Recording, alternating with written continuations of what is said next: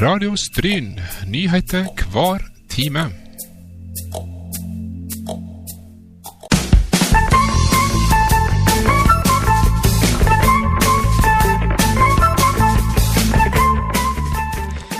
Ai, ai, ai. Da er vi tilbake igjen her ifra Radiostryn studio. Det er Sport og spas. Vi sitter her eh, småøsne og yre. 5. juni, og tropetemperaturen er på vei uh, ute. Det kjente jeg på vei fra bilen og inn i studio i dag. Og vi hører jo i bakgrunnen òg det sommerlige melodier i øret. Det er deilig. Men det er litt vemodig òg, Thomas. Ja, det er jo siste sending denne sesongen. Ja. Og det har gått fort. Absolutt. Vi er jo kommet til den ellevte sendinga, og eh, det føles jo ikke så veldig lenge ut siden Frank, vi satte oss ned og var litt eh, småspente på hva det var vi hadde satt i gang. Sette oss i studio for første gang. Nei, det det er jo sånn, og jeg kjenner jo det at jeg er litt småspent eh, fortsatt. Ja, vi Og det skal gjør vel, vel at vi er litt uh, på hugget, kanskje, og ikke, ikke ender opp i hvilestilling. Vi, uh, vi må velge å, å tro det gjelder i radiostudio òg, som for en idrettsutøver, at en må kjenne litt på nervene hvis en skal prestere. Og i dag uh, så ligger mye til rette for ei flott sending. Jeg gleder meg storlig, bl.a. til vi får besøk i studio om ikke så altfor lenge av kveldens hovedgjest. Og vi snakker om sommer, så kommer nok eh, det snart en solbrun Johan Eirik Mæland inn i studio. Han kommer så å si direkte fra Uniten, New Mexico, der han har vært et år på skole. Og av alle ting drevet med langrenn. Jeg får ikke det helt til å rime med New Mexico og langrenn, men det får vi høre litt eh, nærmere om.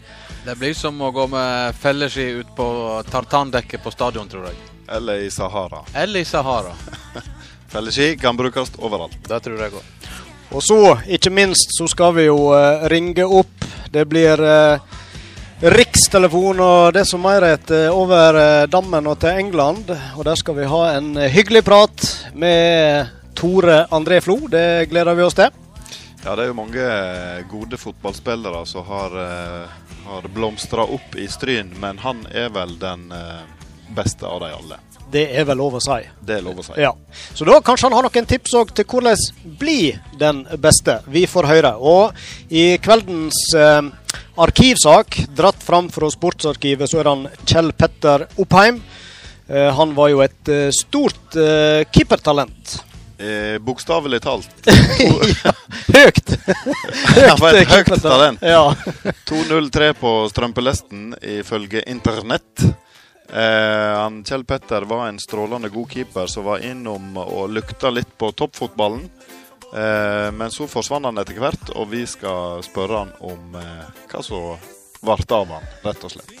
Og hvis det går veien i kveld, eh, karer, så eh, får vi med oss på telefon eh, en av vi må kunne si Norges største imitatorer. Da ser ikke vekk ifra at det er kanskje en av dagens gjester som òg kommer til å bli imitert. Ja. Men om det er Tore André Flo eller Kjell Petter Oppheim eller Johan Eirik Mæland som blir imitert, det får tida vise. Men nå må vi vie litt tid til hovedsponsoren vår.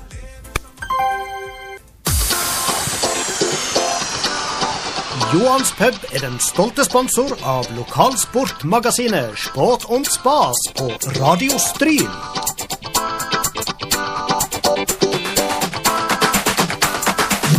Og på Johans pub der kan du få med deg Champions League, Premier League og FA-cup på storskjerm. Annenhver fredag kan du òg teste kunnskapene når puben inviterer til quiz.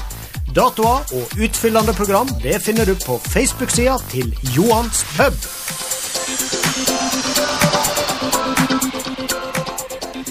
Ja, vi bruker jo alltid å ta en liten sånn eh, småprat om eh, hva som har skjedd eh, siden sist på de 14 dagene. Og vi skal nå ikke snyte dere to karene for den eh, hyggelige passiaren. Jeg vil jo tro dere har lyst til å snakke litt om det som skjedde nå i helga, iallfall. Ja, med fare for å miste Eirik Krossen som lytter, så eh, var det kjekt for Liverpool sin del, i hvert fall, eh, lørdag kveld. Med Champions League-trofé. Endelig. Eirik Rossen kan vel eh, trøste seg med at eh, kanskje var Tottenham det beste laget, selv om Liverpool vant? Eller eh, blir det knyttenever her nå, eller? Nei, altså det, det blir så lite relevant Eh, Liverpool vinner 2-0 og løfter den pokalen der. Det Altså, hvordan kampen var da, det blir, det blir liksom litt likegyldig nå. Ja. En enorm eh, kjekk, enormt kjekk kveld for eh, alle Liverpool-supportere. Og jeg så da selvfølgelig bilder fra paraden i Liverpool på søndag. Der var si, innbyggertallet i Liverpool er rundt en halv million. Ja. Der var 750 000 mennesker til stede, så eh, dette her var etterlengta. Hvordan, eh, kan dere beskrive litt hvordan, eh, hvordan var dagen? For at de, eh, jeg fikk jo med meg de begynte tidlig på morgenen Ja. disse her, og hausse opp kampen. da, Så satt dere foran TV fra klokka åtte-ni på morgenen. Det var, det var en av de lengste dagene jeg har hatt så langt dette året her, altså. Ja. Det begynte jo på TV klokka ni på morgenen på Viasat. Og TV 2 begynte vel i tolvtiden. Og det er klart du sitter og ser litt, men så du kan ikke sitte der hele dagen heller. Så ut og spasere litt, slå plenen, finne på et eller annet. Ja, Det var litt sånn for meg òg. Jeg eh, drev og sysla med ting i huset, og så så jeg litt på, og så begynte på en måte nervene å melde seg etter hvert så kampstart eh, nærma seg, da. Så eh, når dommeren ble i fløyta og kampen var i gang, da, da var jeg svett i hendene, altså. Ja. Så det var en eh, Det er sånn Det er nesten litt gale, da, men det er når Liverpool spiller sånne type viktige kamper, så kjenner jeg det fysisk på kroppen. Jeg får ofte ei ilt i hodet, rett og slett. Men du, det- du har jo spilt fotball sjøl, og klarer du blir det litt samme spenninga, eller er det en helt Nei, annen type det er, det er noe helt annet. For når en spiller sjøl, så er en Det er et helt annet fokus, da. For da har du på en måte en jobb du gjør, og så skal du, kan du påvirke det sjøl. Mm. Det er litt vanskelig når en sitter i en sofakrok oppe i stegene. Selv om en gjerne vil. Og så er det jo slik at uh, du eh, har jo dine faste rutiner, for ellers så tror du at det går rett til pieces hvis ikke du gjør det sånn og sånn. Å ja, så du har rutiner òg? Ja, Før kamp? Ja, Fortell. Ja, nei, du, så, du, sånn som Frank kan sitte på samme plassen hver eneste gang det er kamp. Og det er jo forsvinnende lite å si 'tror jeg' for kamputfallet, egentlig. Ja, tror du. Tror jeg. Du da, Thomas, har du Nei. eh, rutiner? Ja, nei Vel. Nei, det er det å eh, Men dette er en helt annen kamp, for dette er så lenge å vente på førhånd. I ligaen så har du det er nå to ganger i veka da. Mm. Men nå venter vi så lenge. Det var tre uker å vente før, eh, ifra ligaslutt til finalen. finalen. Og det var, det var lange uker. Så noen faste rutiner akkurat da hadde ikke men det er klart eh, Men rett før kamp, da? Er det sånn kampdag? Da eh, skal du innom og ha gjort det og det før du setter deg ned og ser kampen for at det er best mulig utfall? Har du Ja. laga deg noe sånne Nei. Jeg lager meg en kopp kaffe. OK. Ja, det er ikke mer uh, religiøst, skulle jeg si, enn det? Nei, det er ikke det. Kanskje, kanskje jeg jekker meg en øl òg. Jeg vet ikke. Oi, oi. Jeg, jeg ja. eh, tok meg en uh, pen liten Frydenlund fatøl når uh, kampen var over. Den eh, nytter jeg. Eh, jeg må òg si det at vi hadde jo en liten seanse hjemme med ja, både kjerring og unger der vi pynta stova til kamp med gamle drakter og litt sånn forskjellig. Oi, ja. Eh, så det var nå litt av oppladninga, da. Og så Som å pynte til jul, på en måte, hele ja, ja, det blir litt sånn. Eh, og så må jeg eh, Altså, du blir så glad og øsen når seieren er i boks, da, at du tar litt vel mye av på sosiale medier.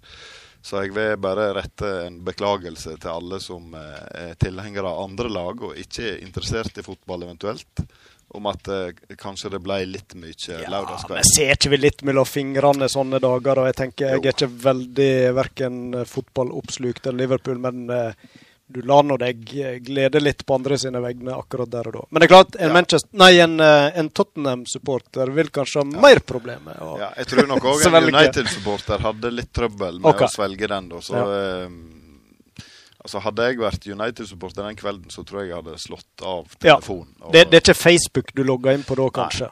Nei. Så det går an å velge det vekk. Veldig bra. Eh, Sjøl så hadde, mens dere eh, krumma dere opp i sofa og stoler og drakk kaffe og øl, eller hva det måtte være, så hadde jeg da vakt i avisa. Det var motorfestival, og mitt fokus eh, var eh, stort sett der. Eh, men det var en eh, flott festival, og høydepunktet var vel i år som ellers for min del. Det var drag racing og Per Vidar Roseth og disse her når de eh, gassa løst på sin Ford Rangero 74-modell og det som eh, bedre er. Så det var veldig bra.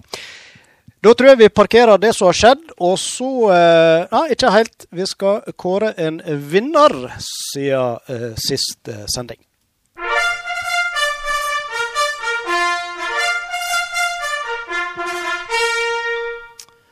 Ja, sist eh, sending hadde vi jo storfint besøk av hun eh, Monica Beate Hesjedal. Og hun har litt av en eh, fotballkarriere å se tilbake på. Blant annet så spurte vi om hva slags klubb i Sogndal kommune hun hadde spilt før. Og folk fikk vel et aldri så lite hint om at det var snakk om grønne drakter. Samme farge som eh, vår eminente tekniker Ove André Årskog. Ja, kanskje ikke fullt så grønn. Nei, litt mørkere grønt. Han er litt mer sumarlig i dag Ja. i fargene. Men uansett så var Kaupanger eh, det vi var ute etter. Ja. Kaupanger. Fylkets beste kvinnelag, er ikke det? Eller har vært, Ja, det er det nok eh, fortsatt. Ja. Mm. Så da har vi jo eh, funnet fram påskeegget vårt med diverse lapper. For vi har jo fått Er det, en det er vel min tur å trekke, ikke det, Frank? Eller Ja. stygt blikk, for å si det her. Nei, Det er, Er det mitt? Det Det er? Frank. Nei dette er viktig. Vi har uh, broderlig fordelt. Og han skal få lov å lese Han skal få lov å opp lese litt andre opp, ting. og han Skal få lese opp òg? Skal få lov å lese opp. Ja.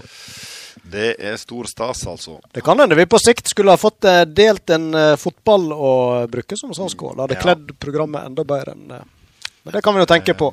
Hvem som har skrevet lappene? Er det du, Thomas? Ja. Greit. Doktorskrift, så er det Eh, noe det er doktorskrift. Er det Merete der står? Der står det. Merete Strand Guddal. Ja, Oi, gratulerer! ja. Det høres ut som oppstryn. Det kan det godt være. Kjempeflott. Uansett hva som bor, så har i hvert fall vunnet T-skjorta vår. Og alltid kjekt med. Det tror jeg var en ny eh, konkurransedeltaker òg. Ja. Uten at jeg har full kontroll, så Det høres det litt nytt ut. Gratulerer med dette. Kjempebra. Da får hun sende melding om eh, storleik, small, medium eller L, så eh, skal vi ordne det. Og eh, jeg kan òg avsløre at vi har jo en ekstra premie i potten denne gangen her, siden det er sommeravslutning. Ah, sier du det? Og for hun Merete hun får nemlig òg en middag på Isehaug. Så eh, det fikser vi. Yes. Hun Merete hun får seg en middag på Isehaug med pluss T-skjorta. Du verden. Da kan vi anbefale f.eks.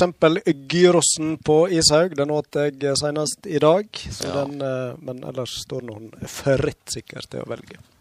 Med et lite stalltips på den. Da gratulerer vi hun eh, Merete med, som vinner av sesongens siste konkurranse. Vi understreker sesongens, for eh, vi holder fram vi når sommeren er over. Men eh, først så skal vi gjøre unna denne sendinga, og da glir vi galant over i lokalsportrunden, Thomas. Og jeg tenker du kan som vanlig eh, begynne litt. Det er du som ofte har best kontroll der. Her lyter vi å eh, ta for oss eh, vårt kjære lag oppe i Oppstrøyen på Lund stadion. Ja, der var en uh, helt uh, spesiell kamp uh, som ble spilt ut på Flatraket. Ja, i går da runda altså Oppstrøyen sin kamp nummer 700 på seniornivå. Kjempemessig, vet du. Det, Oppstryn er vel sånn eh, Er ikke det formelt utropt nå i Sport og Spas-redaksjonen som maskotlaget vårt? Det er det, Ja. ved siden av Stryn 2. ja, de stiller iallfall på en veldig sterk andreplass. Ja. Nei, Oppstryn har altså holdt det gående siden 1980. Vi har vel vært så vidt inne på det tidligere sendinger. Men Oppstryn de eh, spilte da uavgjort 2-2 mot Flatraket Skavøypoll 2. Å ja, der er en slash der Det er en slash inni der òg, ja. riktig. Det er mye slasher nede gjennom divisjonene. Jo lenger ned i divisjonene, jo flere slasher blir det vel. Det er sant. Ja. Uh, Flatraket tok ledelsen 1-0 i siste minutt uh, av første omgang. Rasmus Bø, terrieren på midtbanen, utligna etter 69 minutt. Andreas Sanchez Guddal ga Oppstryn ledelsen ti minutter før slutt, men fem minutter på overtid. Da var det en Hva heter det? Flatra, flatraker? ja, det høres riktig ut. alle. Flatrakser. Flatrakser Rakser, ja, det er at. Sikkert det ble 2-2 i jubileumskampen. Så bra. Yes. Det er nå et sterkt resultat på bortebane, iallfall. Ja, det var jo serielederen de møtte.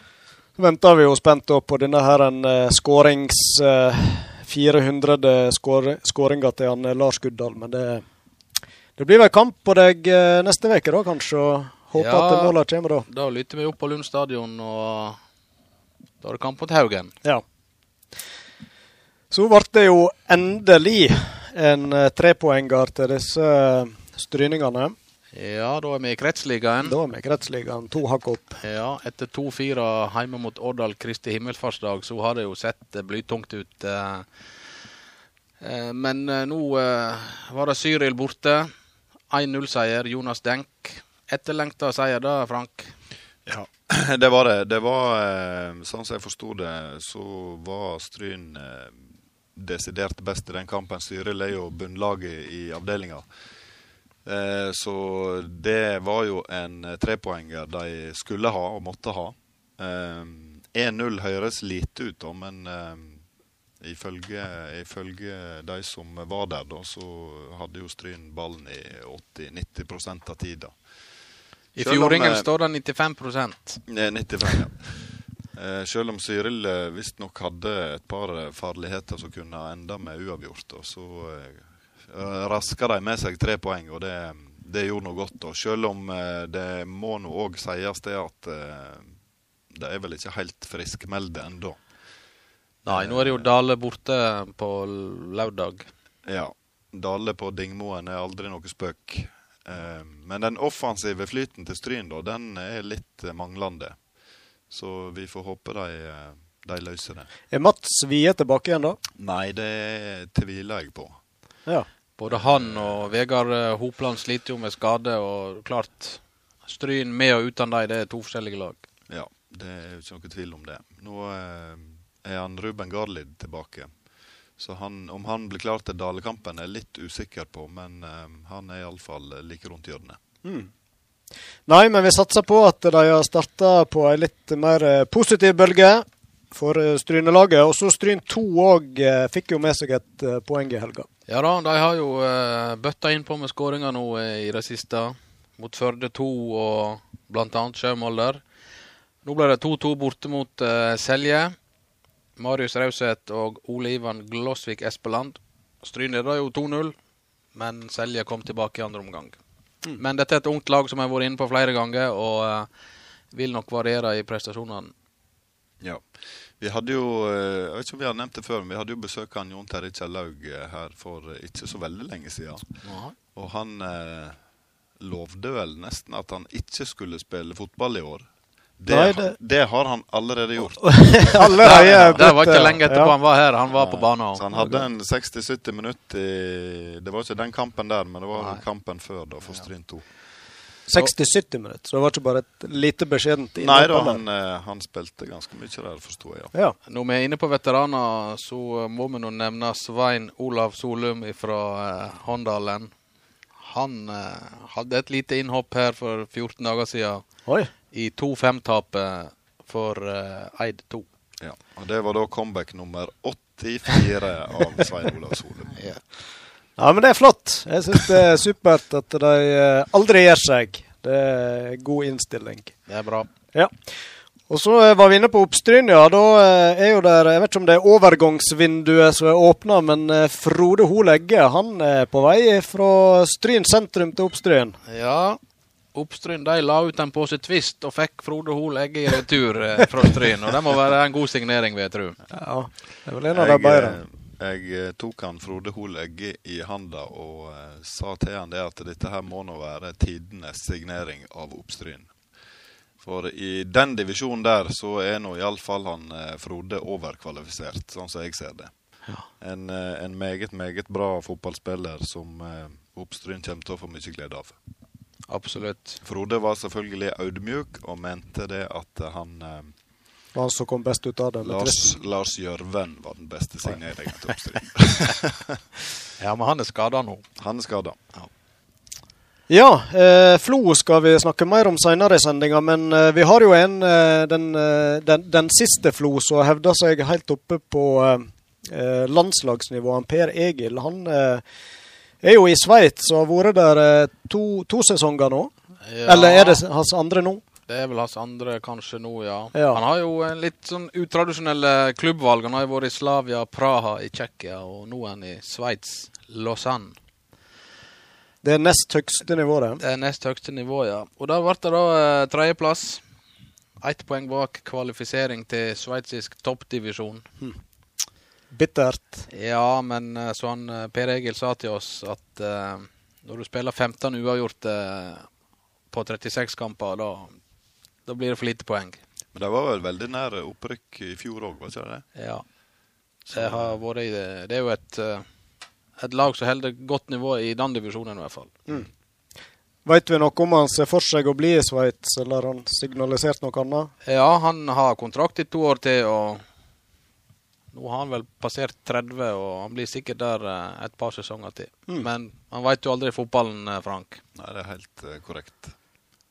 Og så har vi en kar bort i Sverige, som han har vært med oss i Sportont til Spas òg. Og da husker jeg han fortalte om at han var blitt prøvd litt. Han var blitt flytta ned eh, på banen vel litt, og eh, nå er han omskulert til midtstopper. Han, eh, Ja. Mats Solheim i Ha- Hammarby. Han har jo vært mest kjent som back, han, i, i Hammarby, men uh, nå er det midtstopper han spiller, så han er jo en potet som blir brukt overalt. Og det sier han vel sjøl òg. Nå fikk han seg en lei skade i en muskel her uh, for ei uke siden, men han starta jo lokaloppgjøret mot AIK nå uh, i helga. Men han måtte gå ut, da. Etter en halvtime. Så eh, Men han eh, er en spiller som du kan bruke overalt. Mangler du en midtbanespiller, så hiver du inn en Mats Solheim. Han starta jo som eh, spiss i Stryn og bøtta jo inn eh, 30-40 mål. Og så eh, for han til Sogndal og ble back, Ja. og er nå midtstopper, så han, eh, han kan brukes overalt. Det er vel en styrke når du er fotballspiller, hvis du skal ha en lengre karriere kanskje òg, at du kan eh, brukes litt både her og der. Ja, Det, det er nok, altså For hans del så er det nok en fordel, for eh, hvis du på en måte er spesialisert i én rolle, så begrenser det seg. Hvis det er sårbar, er en spiller eller to som er veldig sterke i den posisjonen, så kan jo du fort havne på benken eh, et år. Mm. Men eh, han kan jo brukes litt her og litt der, og da, eh, blir det spilletid. Før vi gir oss med fotballen, så lytter vi nevne eh, Stryn sitt jente 19-lag. De spilte jo en eh, historisk cupkamp på stadion eh, torsdag mot Gneist fra Bergen. Hevda seg veldig bra, tapte dessverre 3-1. Men var fullt på høgde ifølge trener Johan Sigurdsson. Da var det NM-cupen. Da var det NM, ja. Emma Sæbø skåra på straffe, og hun fikk jo enda en sjanse fra krittmerket, men dessverre i tverrleggeren. Friidrett, skal vi ta med litt om det òg? Mulig til å sveipe innom Framoleikane i Bergen. Der uh, var hun uh, Maja Fuglestrand Både fra Olden med. Kasta spyd. Og hun uh, holder seg eh, oppunder 40-meterstreken. 39,47. Og der ble hun nummer to, bak ei som har kasta 40,25. Men hun, Maja hun har vel vært over Har ikke vært over 42 meter òg, hun? hun har vel vært oppe i 45 òg, vel. Såpass, ja. Ja. ja. Så det, vi føler med henne. Ellers så det, er, jeg vel akkurat nå kanskje ferdig postvegløpet.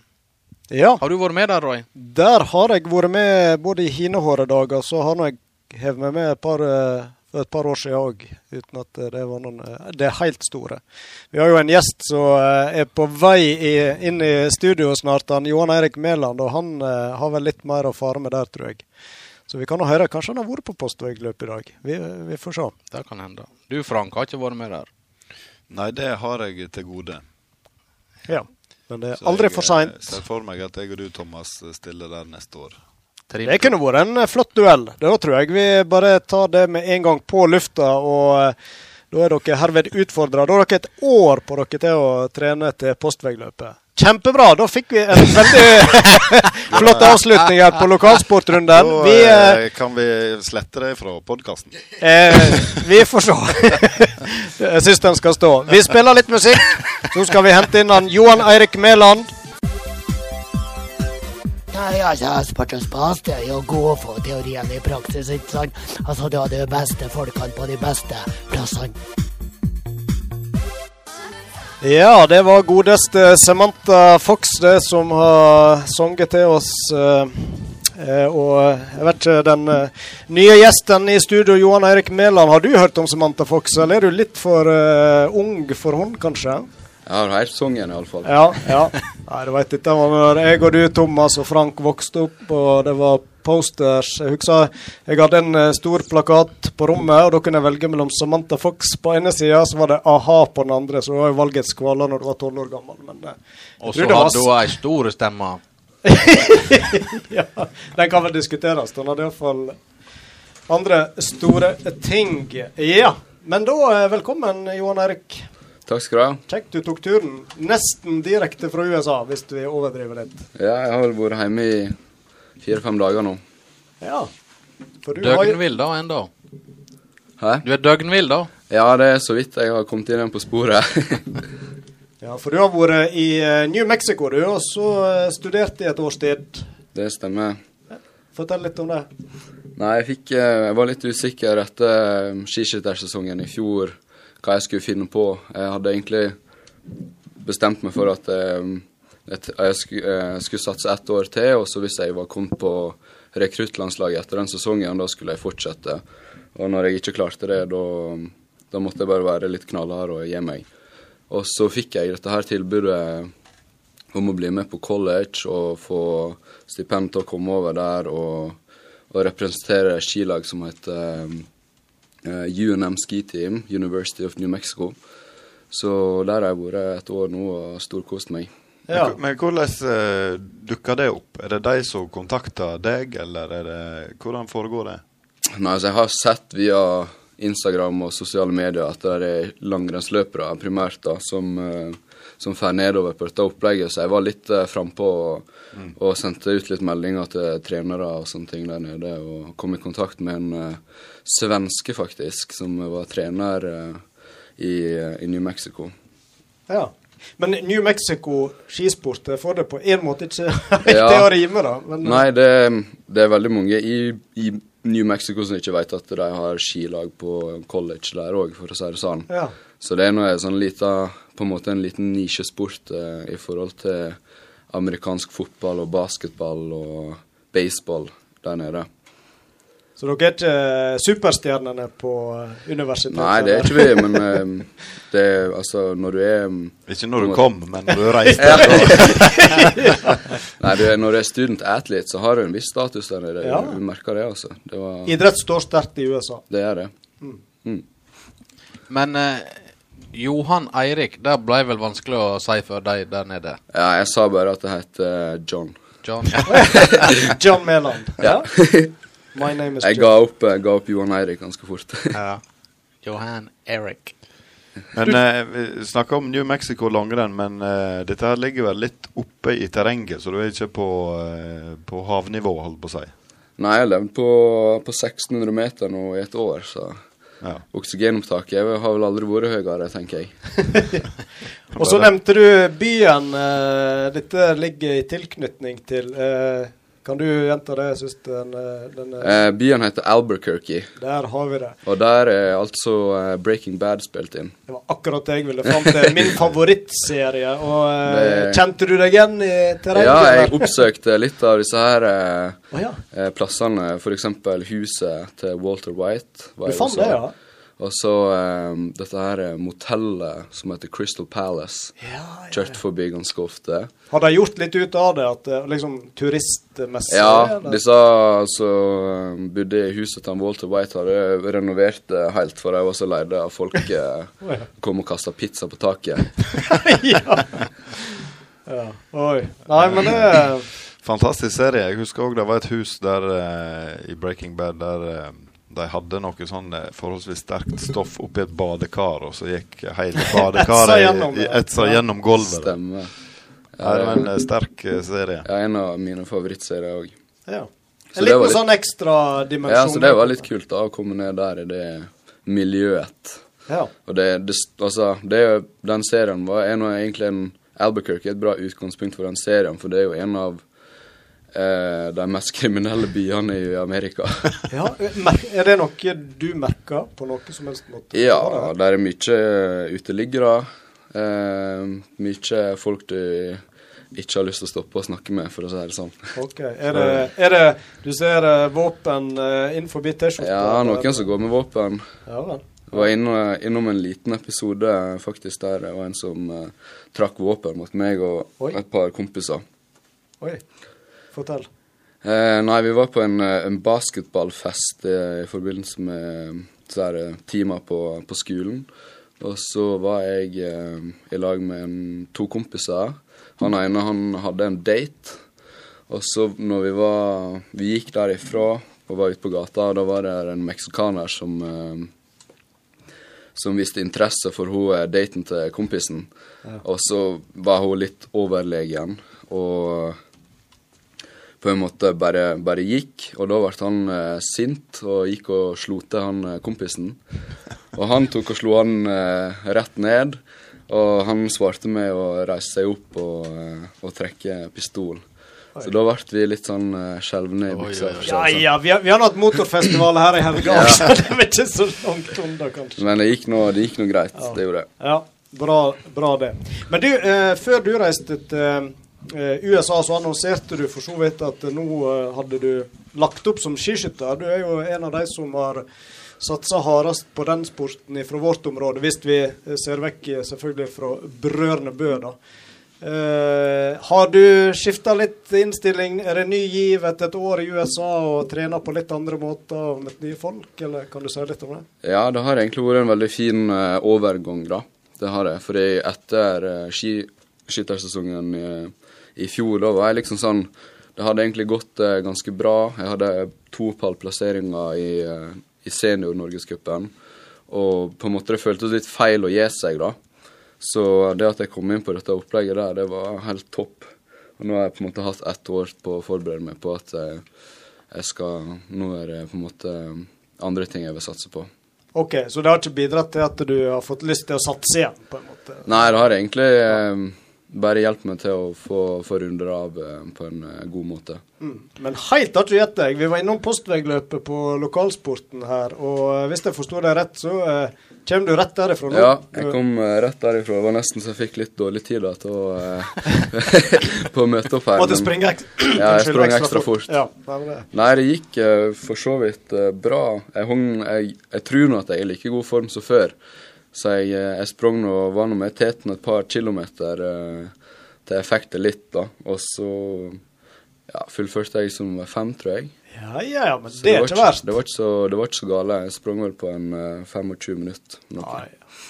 Absolutt godkjent. Og da har du eh, egentlig, etter det jeg skjønner, ikke trent sånn veldig mye de siste to-tre månedene. Nei, eh, vi var ferdig med sesongen for to måneder siden. To og en halv måned siden. Etter det så har det vært bacheloroppgaveskriving, og det har vært eksamener i USA. Eh, så jeg har kanskje hatt meg hjem til to springeturer i veka, pluss en del styrke. Ja. Så jeg prøver nå å holde meg i form, men eh, det har nå vært på, på langt nær like mye som, eh, som hvis at jeg skulle ha gått på en ny uh, langrennssesong. Men når du var aktiv eh, Du har jo flere gode plasseringer i Norgescup, annet, som du sa. Det er mye arbeid som blir lagt ned, selv om han ikke holdt på seg i verdenstoppen, slik som eh, Tarjei og Johannes. Ja, skulle ta eh, Eller vi må jo på en måte satse like hardt som de beste. Det er bare at eh, de, aller be eh, de som ikke er på ver- verdenscupnivå, får ikke Eller worldcupnivå, får ikke like godt betalt for det, da. Men eh, jeg angrer absolutt ikke på at jeg har drevet på såpass lenge. Men, hvor- men hvordan eh, kan du si litt om omfanget av det treningsarbeidet du har lagt ned nå fram til du har lagt opp, da?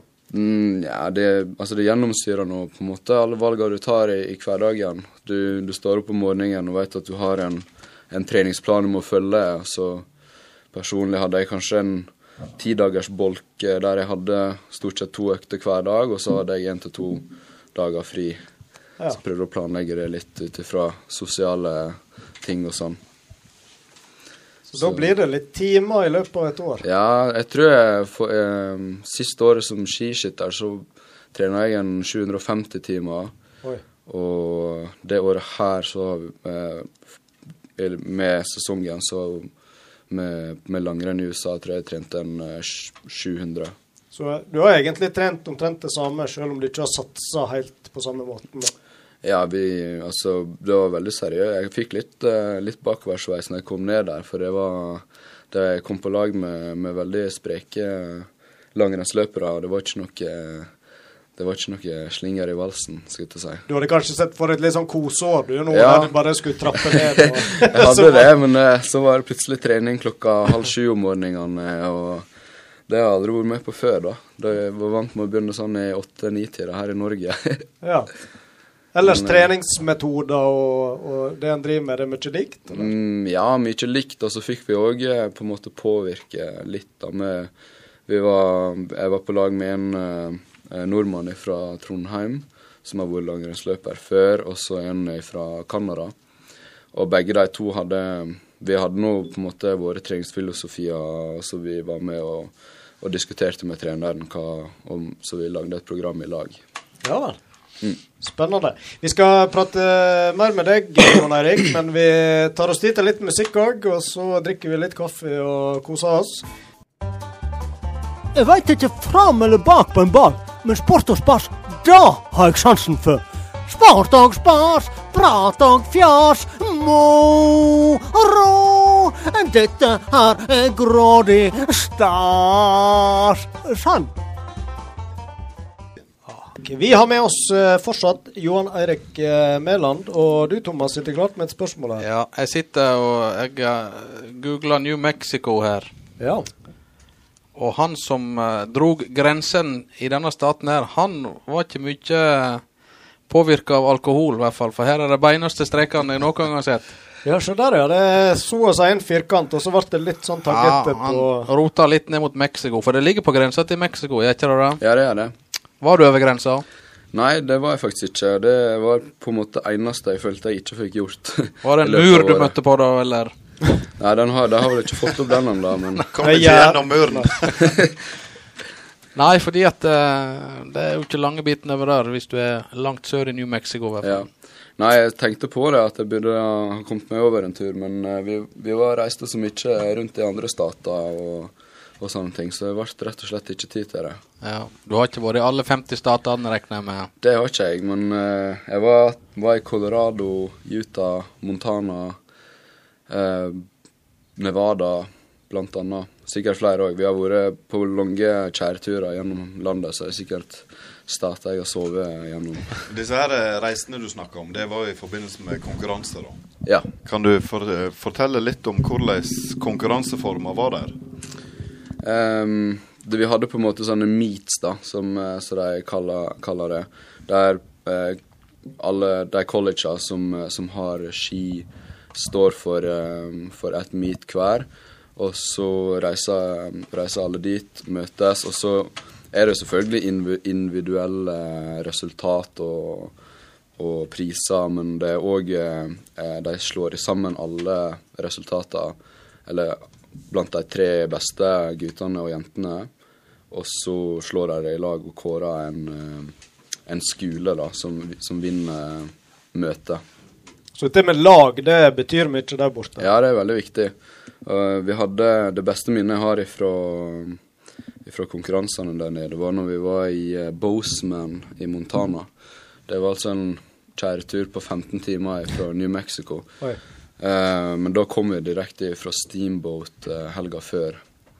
Men, eh, men da kom vi altså på førsteplass, andreplass, fjerde- og femteplass. Vi, vi fire beste, eller fi, vi fire guttene på laget.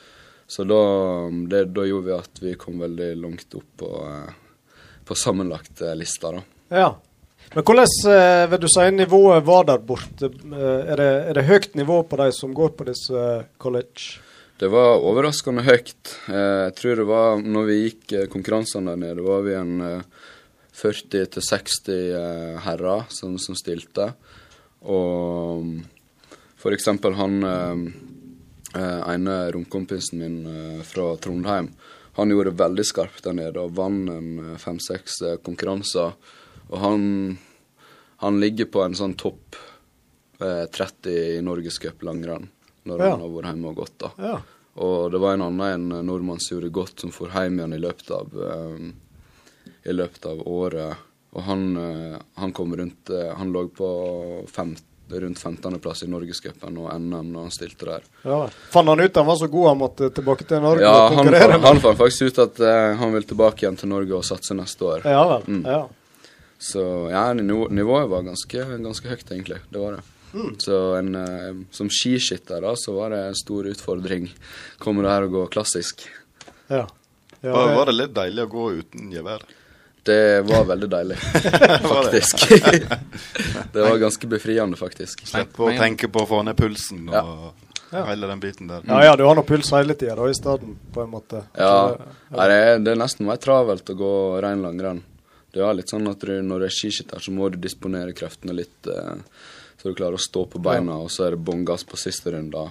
Du går jo mer eller mindre så fort du kan, men langrenn så er det litt mer sånn at du Bånn gass fra start. Bånn gass fra start, egentlig. Men klassisk stil er nå ikke noe skiskyttere er så veldig mye borti.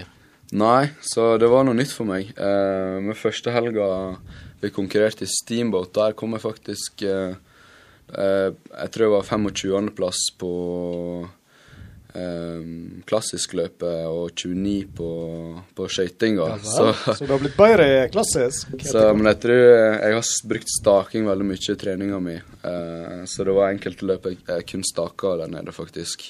Ja. Men uh, Og jeg tror som skiskytter så har jeg brukt klassisk litt mer enn normalt. Jeg har gått noen hardøkter og mange langturer på klassisk, så det var egentlig veldig kjekt å, å konkurrere klassisk i vinter.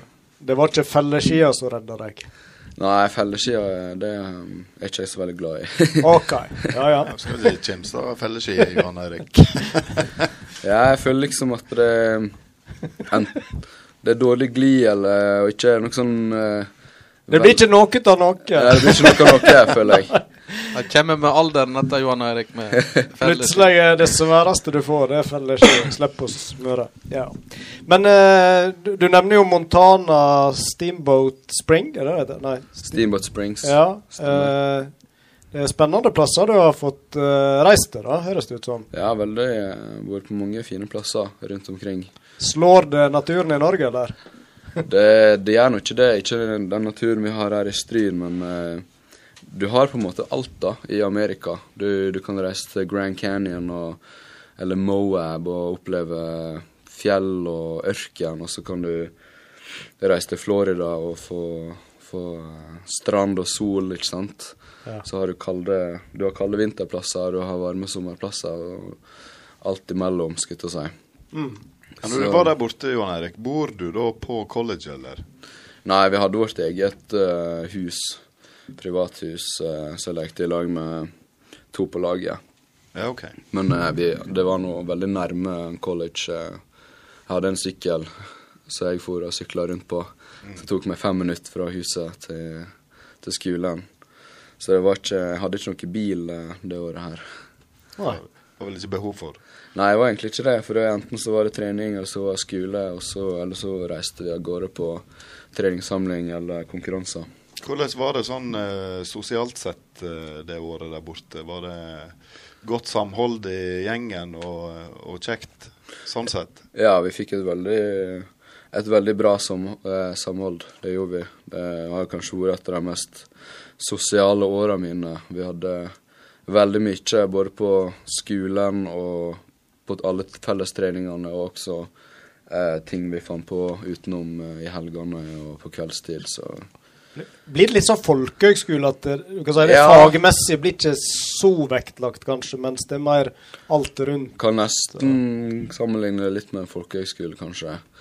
Jeg eh, Altså, det er nå de Du kan studere hva du vil på, på denne skolen. Og siden jeg ikke hadde tenkt å ta en grad der nede, så valgte jeg noen litt sånn artige klasser. Jeg hadde akido, blant annet. Og Det, er en betyr- slags uh, japansk uh, kampsport. Ja vel?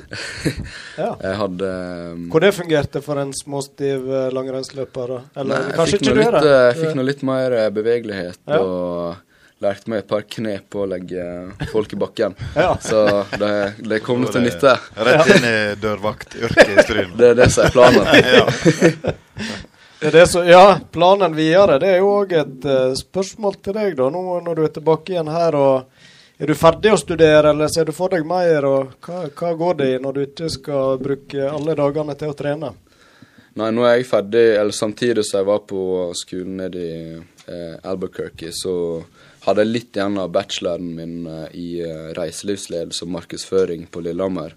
Så jeg var hjemme igjen til jul og tok en eksamen, og så eh, skrev jeg bachelor samtidig som jeg var der nede, og leverte den i slutten av eh, mai. Eh, så nå er jeg egentlig ferdig utdannet, føler jeg. Eh, jeg har ikke tenkt å gå på noe master eh, til neste år, i, i alle fall. Så når folk spør meg om framtida, så sier jeg bare at jeg har flytta til Stryn på ubestemt tid. Ja vel, så du ser for deg å bli her nå? Sånn. Ja, det jeg ser for meg i alle fall. Og så eh, jobbe hjemme på camping. Og vi driver noe eh, camping og sagbruk, for, ikke, for Ja. de som ikke vet det. Ja. Eh, så det blir i hvert fall fullt trøkk der nå i sommer, og så eh, får jeg diskutere litt med fattern hva vi skal gjøre videre. ja. Og med ei reiselivsutdanning så bør jo du være kvalifisert til å få drive campingplassen i familien. jeg syns det kvalifiserer til en liten eh, sjefsstilling uh, Ja. ganske fort. Campingkongen i Stryn, ja. Ja. Ja. Nei, men det er positivt at ungdommen kommer tilbake til bygda. Så får vi bare håpe at du ikke, ikke forsvinne ut igjen. Ja, nei, vi får se. Eh, jeg har snakka med flere kompiser som har, på min alder som har lyst eh, hjem igjen òg, så det, det er bra. Bra vi klarer å eh, holde oppe eh, miljøet her i Stryn. Ja, det er viktig, det. Fikk du fulgt med litt eh, på din gode kamerat eh, Johannes eh, i vinter? Han hadde jo tidenes eh, sesong. Jeg regner med du har fått med deg det? Det gjorde jeg absolutt. Jeg så alle konkurransene. Ja. Jeg eh, fikk streama dem på Lasta ned et sånt piratprogram, så jeg fikk stre streama NRK. Ja vel. Du, du får ikke gjort det. Det er ikke helt lovlig, men jeg måtte, måtte, måtte det. Det kommer ingen plass, og det er trygt å si på Radio Stryn. hva er tidsforskjellen borti New Mexico? Det er åtte timer. Åtte timer, ja. Så da det ble mye natte-TV, da. Det ble det. Det var liksom uh, eh, Sto opp om eh, Eller altså, jeg, jeg eh, så nå bare opp igjen, da, etter at det var gått på morgenen i Norge, for vi lå åtte timer bak. Ja. Men eh, ja, hvor gammel er du nå? 25. 25 år. Mm. Herlighet, du er en unge kar ennå, så eh, jeg, jeg tror ikke vi skal avskrive at han eh, har lagt opp for godt deg. Vi, vi gir, vi Jeg- gir det nå fem år, og så Jeg har vi ikke, jeg har ikke posta en sånn offisiell eh, Instagram-post der jeg har sagt at jeg har lagt opp ennå. da. Det det har litt eh, langt inne. Så bare Nei. drøy det, du. Det er lov, det er lov å ta et det har pauseår. drøya eller litt. Har Ja. ikke det, Plutselig er lysta tilbake, så det Men eh, veldig kjekt du vil ta turen her i Sport og Spa-studio. Det setter vi selvfølgelig stor pris på. Det har jeg satt pris på å Neste- bli invitert. Ja, ja, men det er godt å høre. Og så eh, skal vi eh, haste litt eh, videre og eh, ønske deg en eh, veldig fin eh, sommer. Og så skal du nå få med deg ei flott Sport og spas-T-skjorte så du kan eh, bruke på campingplassen Ja, og der du ellers ellers beveger deg. Håper det er flere som tar seg turen innom Strynsvatn camping i løpet av sommeren. Der fikk vi reklame på slutten. Kjempebra. Takk til Johan Eirik Mæland.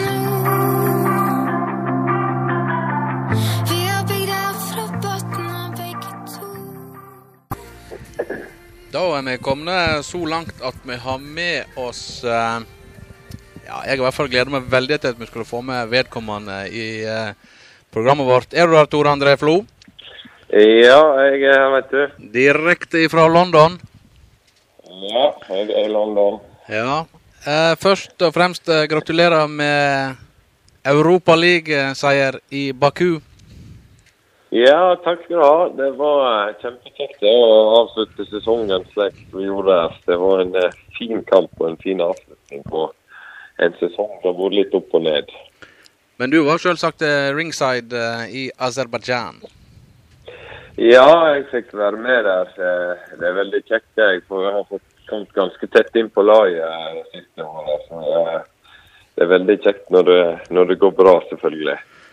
Og seieren ga jo òg inngangsbillett til Champions League neste sesong.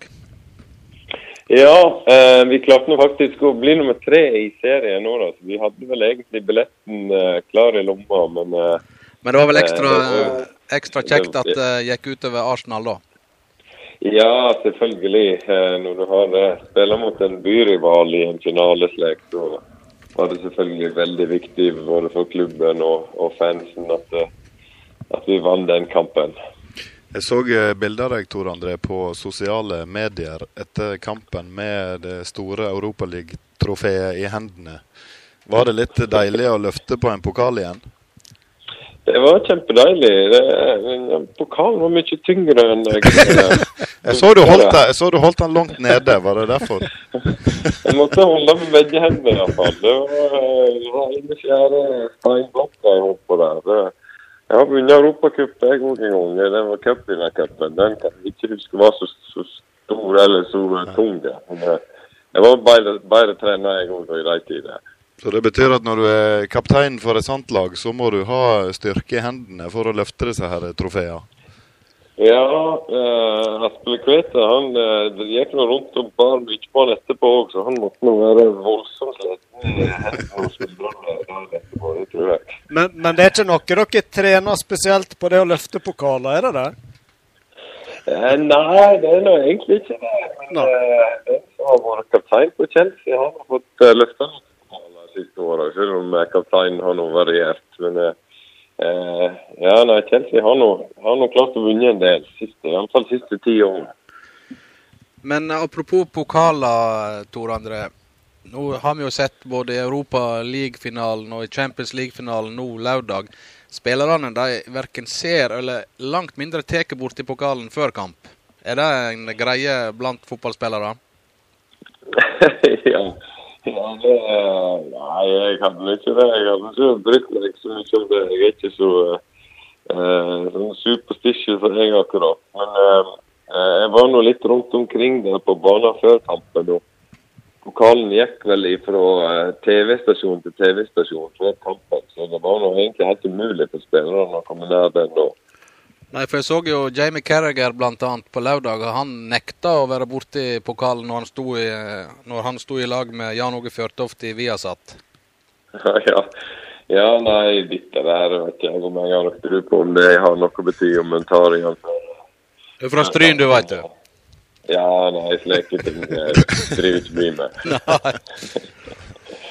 Men du eh, reiste jo så å si rett fra kamp du, og til heimbygda, så vi må nå få lov å fortsatt kunne kalle den. Og eh, stilte opp på stadion i Stryn på lørdag. Ja, jeg måtte nå utom eh, stadion en tur. Jeg bruker som regel å gå ut der eh, selv om, ja, om det er trening eller ikke. Eh, Mimre litt om. Lørdag fikk jeg òg trene litt av det de ivrigste fra Stryn. Det var kjekt å se. Det var mange eh, flinke talenter. Ja, jeg, kan jo, jeg hadde nå med to stykker der sjøl, og jeg kan jo, eh, kan jo helse deg tilbake og si at eh, det blir satt pris på, Tor André. Så det, det er veldig kjekt at du stiller opp på sånt. Ja, nei, dette er jo selvfølgelig veldig artig å være med på. Jeg har nå vært noen år nå i Chelsea sitt akademi og eh, har nå sett litt hva som kreves for å, for å nå eh, opp i toppen. Så eh, det er kjekt hvis en kan være med og, og dele erfaringene en har fått med seg. Ja, men du, eh, den jobben du har eh, i dag i Chelsea, der, eh, det innbefatter ikke noe trenerjobb? Nei, det er ikke så mye eh, trening eller nå. Det eneste eh, nå i preseason, eller forsesongen, så vi har eh, treningsøkter. Eh, Jeg eh, ser etter de som da eh, skal på utlån fra Chelsea. Chelsea har en stor gruppe, og vi satser veldig hardt på, på den veien å gå. At spillerne som kommer ut fra akademiet, skal ut på lån mm. til andre klubber. At det blir altfor tøft, egentlig, uansett hvor god de er, å gå ifra eh, et akademi og rett inn på første laget. Til det er første laget altfor god. Så eh, vi lager oss en egen avdeling som tar seg av de spillerne som, eh, som får ut på lån og utvikler seg den veien. Ja. Jeg har forstått at du eh, mye av din hverdag eh, går ut på å reise rundt da, og følge opp disse her utenlandsspillerne, eh, både i England og rundt omkring i Europa òg. Ja, jeg sånn, Veka mi ser ut sånn, omtrent sånn ut fra mandag til torsdag. Så ser jeg mye på video og analyserer kamper og spillerne eh, har spilt. Og så får jeg å, å snakke først med, med treneren eller manageren i den klubben som spillerne er i. Eh, og så med. Så eh, prøver jeg å gi mine råd og hva, hva som jeg mener at eh, han må forbedre for å en gang komme tilbake til Chelsea. Eh, det er veldig interessant faktisk å diskutere òg med alle managerne som, som disse spillerne eh, spiller for. Så en får med seg ganske så mye. og eh, får med å forme, forme litt utviklinga til veldig, veldig gode talent. Ja. Men hvordan er det, Tor André, når, eh, når du har f.eks. en utlånsspiller som sliter med spilletid i klubben han er? Hvordan eh, på en måte angriper dere det? Nei, Først så må jeg da ta meg en skikkelig prat med ja, både manageren og spilleren og finne ut eh, hvorfor han får. Mm. Eh, som regel så hvis, uh, hvis manageren ikke gir noe spesielt uttrykk for at uh, det kommer lysere tider i vente, så blir han enig med klubben at han ut derifra og, og prøver å plassere spilleren en annen plass der han får mer spilletid. For spilletid er virkelig nøkkelen til, til utvikling. En, en må spille veldig mye. og Hvis ikke en spiller, så må en, eh, må en prøve å finne løsninger som gjør at en kan komme seg eh, andre plasser for spill. Hvor langt ned i divisjonene låner de ut spillere? Det er vel eh, ei grense hvor langt ned de kan gå? Ja, vi prøver også å få spillerne så høyt som mulig. Um, spesielt når vi, eh, vi sender noen til utlandet, altså utenfor England, så eh, er vi ganske opptatt av at det skal være i toppdivisjonen i det landet som de går til. Um, men innad i England så er det noen som som ikke kan eh, gå altfor høyt. Eh, er alt dette kan nivået spillerne ned på, selvfølgelig. Eh, mange av spillerne har vi i championship, men eh, vi har òg noen som er i league one og, og faktisk league two. også. Men er du med i den prosessen med å velge klubb til disse her spillerne? Ja, ikke så veldig mye. Eh, vi har jo en som eh, eh, tar seg mer av den delen av det. Vi det er i diskusjonen og, eh, og gir råd og, og i samtaler med klubber og agenter og, og managere og sånne ting. Så eh, det, det, er en, det er en samarbeid mellom ganske mange folk, faktisk, eh, i, i Chelsea-systemet. Vi, eh, vi har en ganske stor avdeling som driver på med akkurat dette her med, med lånspillerne. Jeg tenkte på en ting, Tor André. Du nevnte sjøl at du vet jo mye om hva som skal til for å komme på et høyt nivå. Og nå vet vi at vi har, har litt yngre lyttere her i Sportons base, òg. Og ikke bare sånne avdanka eldre idrettsfolk som vi som sitter i, studio nå. Jeg tenkte det kunne vært litt sånn artig å høre fra deg eh, hvordan du tenkte om dette med fotball da du var ja, la oss si sånn 12-13 år. og Var det allerede da ramme alvor for deg, eller hvordan eh, kan du huske tilbake innstillinga di på den tida? Ja, det husker jeg nå ganske godt. Altså, jeg vet ikke akkurat kalle det ramme alvor, men eh, en voldsom god porsjon motivasjon man har. Um, det er faktisk utrolig mye trening som skal til. Eh, gjennom hele veien og hele tenåringer og, den tida der. Um, og For å kunne trene så mye, så må en ha en enorm glede av å gjøre det. Um, så hvis en ikke har gleden av å kunne trene alene og trene med kompiser, trene med laget, uh, det er nok ikke nok å bare ha ei lagtrening for veka. Det må uh, spes på med masse, massevis av egen trening uh, og, og, trening med, med kompiser i tillegg. Så um, motivasjon og inspirasjon det er veldig nøkkelen, syns jeg. Og det, den må en av og til lete litt etter.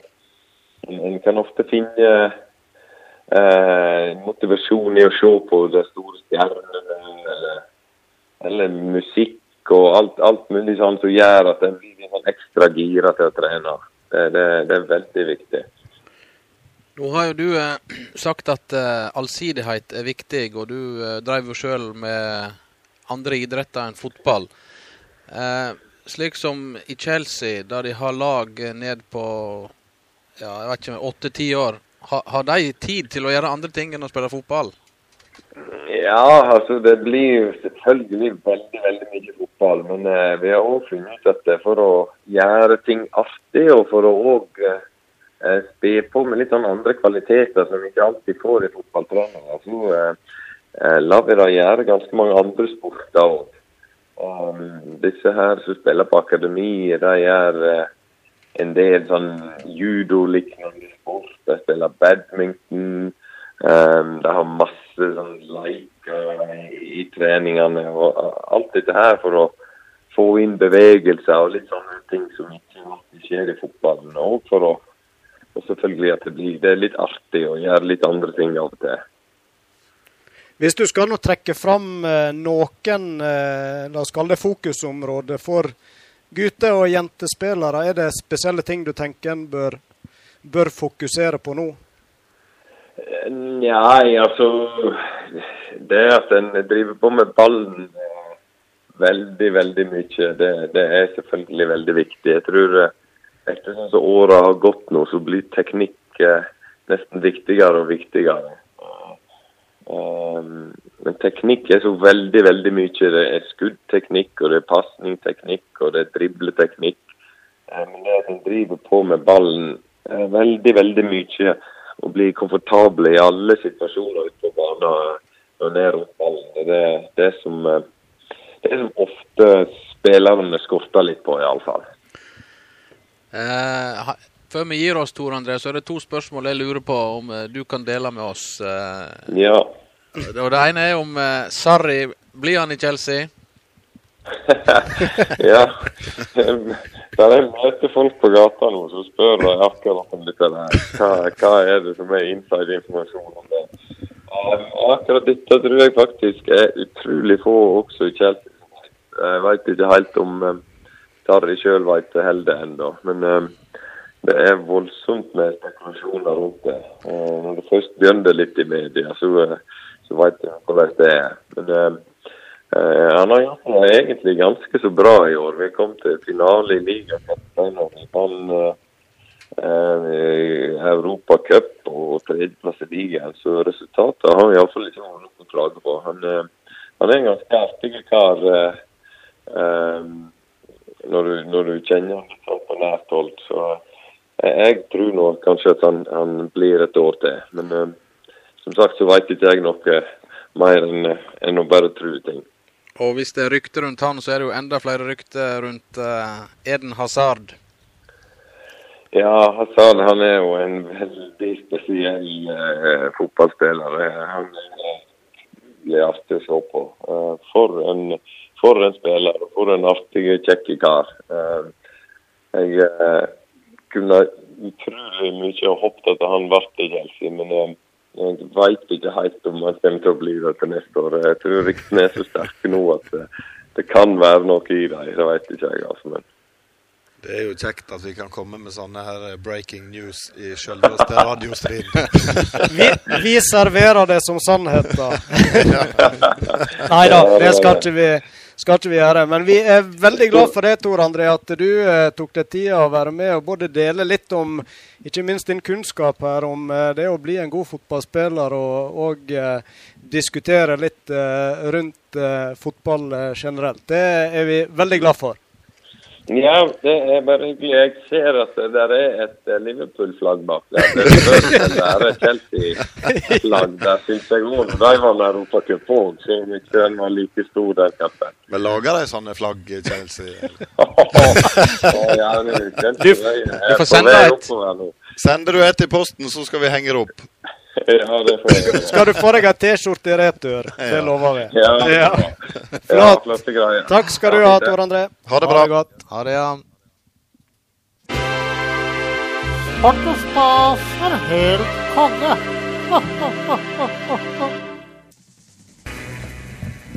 Det var Bruce Springsteen. Det, eh, nå trodde vi egentlig vi hadde sagt eh, ha det og farvel til Tore André Flo før vi setter på musikken her. Men uh, så vidt jeg kan høre, så er du med oss fortsatt, Tore André. Nei, jeg måtte høre på Springsteen. Det er en av mine favoritter. Ja, så dette her var, traff midt i blinken for deg, det. Ja, det var midt i blinken. Jeg pleier alltid å ha kassettspilleren på med, med Brød Springsteen og de. Så jeg alltid gjøre. Da spiller jeg så høyt at da en gang sprengte jeg høyttaleren. Men uh, var ikke kjerringa Nei, Men eh, det ble nå noe på kvelden allikevel, hvis du vet hva jeg mener. Oi, oi, oi. Men det, forstår jeg rett at du, du hadde litt mer du hadde lyst til å si om dette med fotball òg, eller du fikk ikke tømt deg, hvis det er lov å si? Jeg, jeg, jeg, jeg fikk litt kjøpt av kjerringa etterpå, for at eh, jeg nevnte jo for dere at det er utrolig viktig, og eh, du, du kan aldri eller som hun sier, du kan aldri få nok baller. Og det var jo litt det vi var inne på, at du, må, du blir aldri utlært når det gjelder å, å, å leke med ballen. Eller, leke, eller trene med ballen. Det er godt at eh, Men det, det er ikke alltid, selv om du leker med ballene, eller med, med, med ballen, mener jeg at han går i mål. Men eh, det, vi står på, og det, vi heier, håper på at det går i mål. Kjempebra. Eh, jeg, tror ikke vi klarer å høre, høre mer på deg. Jeg og Kristian Valen, for de som måtte tro at det fortsatt var Tore André som var på tråden. Det var iallfall uh, veldig likt. Og mine to medprogramledere ligger flatt over bordet. Eh, det er altså Kristian Valen vi har med oss på tråden. god kveld, God kveld, gutta. Ja, veldig trivelig du hadde lyst til å være med oss, og særlig i en sending der vi nettopp har hatt med Tore André, som du er vel kanskje den fremste imitatoren av. Eh, Hvordan oppsto den parodien? Du, vet du hva, for å være helt ærlig, da jeg, ehm, jeg hører du og, eh, og veldig mange andre snakke om eh, imitasjoner, men for å snakke litt grann fag, så er det stor forskjell på parodi og imitasjon. En imitasjon er mer der du skal lukke øynene, så skal du tro at vedkommende faktisk står foran deg. Det er det jeg gjør med f.eks. når jeg er Morten Harkitsbanen fra The Voice og skal si at ja, jeg hører klangen i stemmen din er Ja, på en måte. Ja, den er eh, Ja. Det er mer en type imitasjon. Men uh, Don André fotballskole, der viser en hvit ræva si ramlende over fotballbanen. Det er noe helt annet. Det er vel mer en parodi, for det du gjør da, det blir som en karikaturtegning. Altså at du trekker frem de trekker som eh, du, du legger merke til at det vedkommende gjør, men som du kanskje ikke legger merke til før det er en tulling som meg, eksempel, som sier eksempel at eh, Nei, det er ikke så viktig det skåre mål, bare det, men det ble mål. Eh, og det er sånn, ja, Hvis pokker han sier det, og det, det, det med å leke med ballene Når, når han sier det, så, så får du en helt annen anledning. For hvis du hadde begynt å snakke helt normalt hjemme eller en annen samtaleemne med at eh, ja, jeg kom nettopp hjemmefra, jeg sto hjemme alene og lekte med ballene i to timer før jeg kom. Det, det, det ble liksom litt annerledes. Det kan uh, misforstås. Ja, altså, men så er det jo Jeg har jo helt seriøst sagt uh, vært fan av Tore André Flo. Uh, til og med når han spilte på, på Brann. Og jeg eh, husker når eh, til og med kommentator sa at eh, han gikk fra høyrekanten ned mot mål og satte inn målet sjøl. Nå ble han solgt, og det gjorde han etterpå.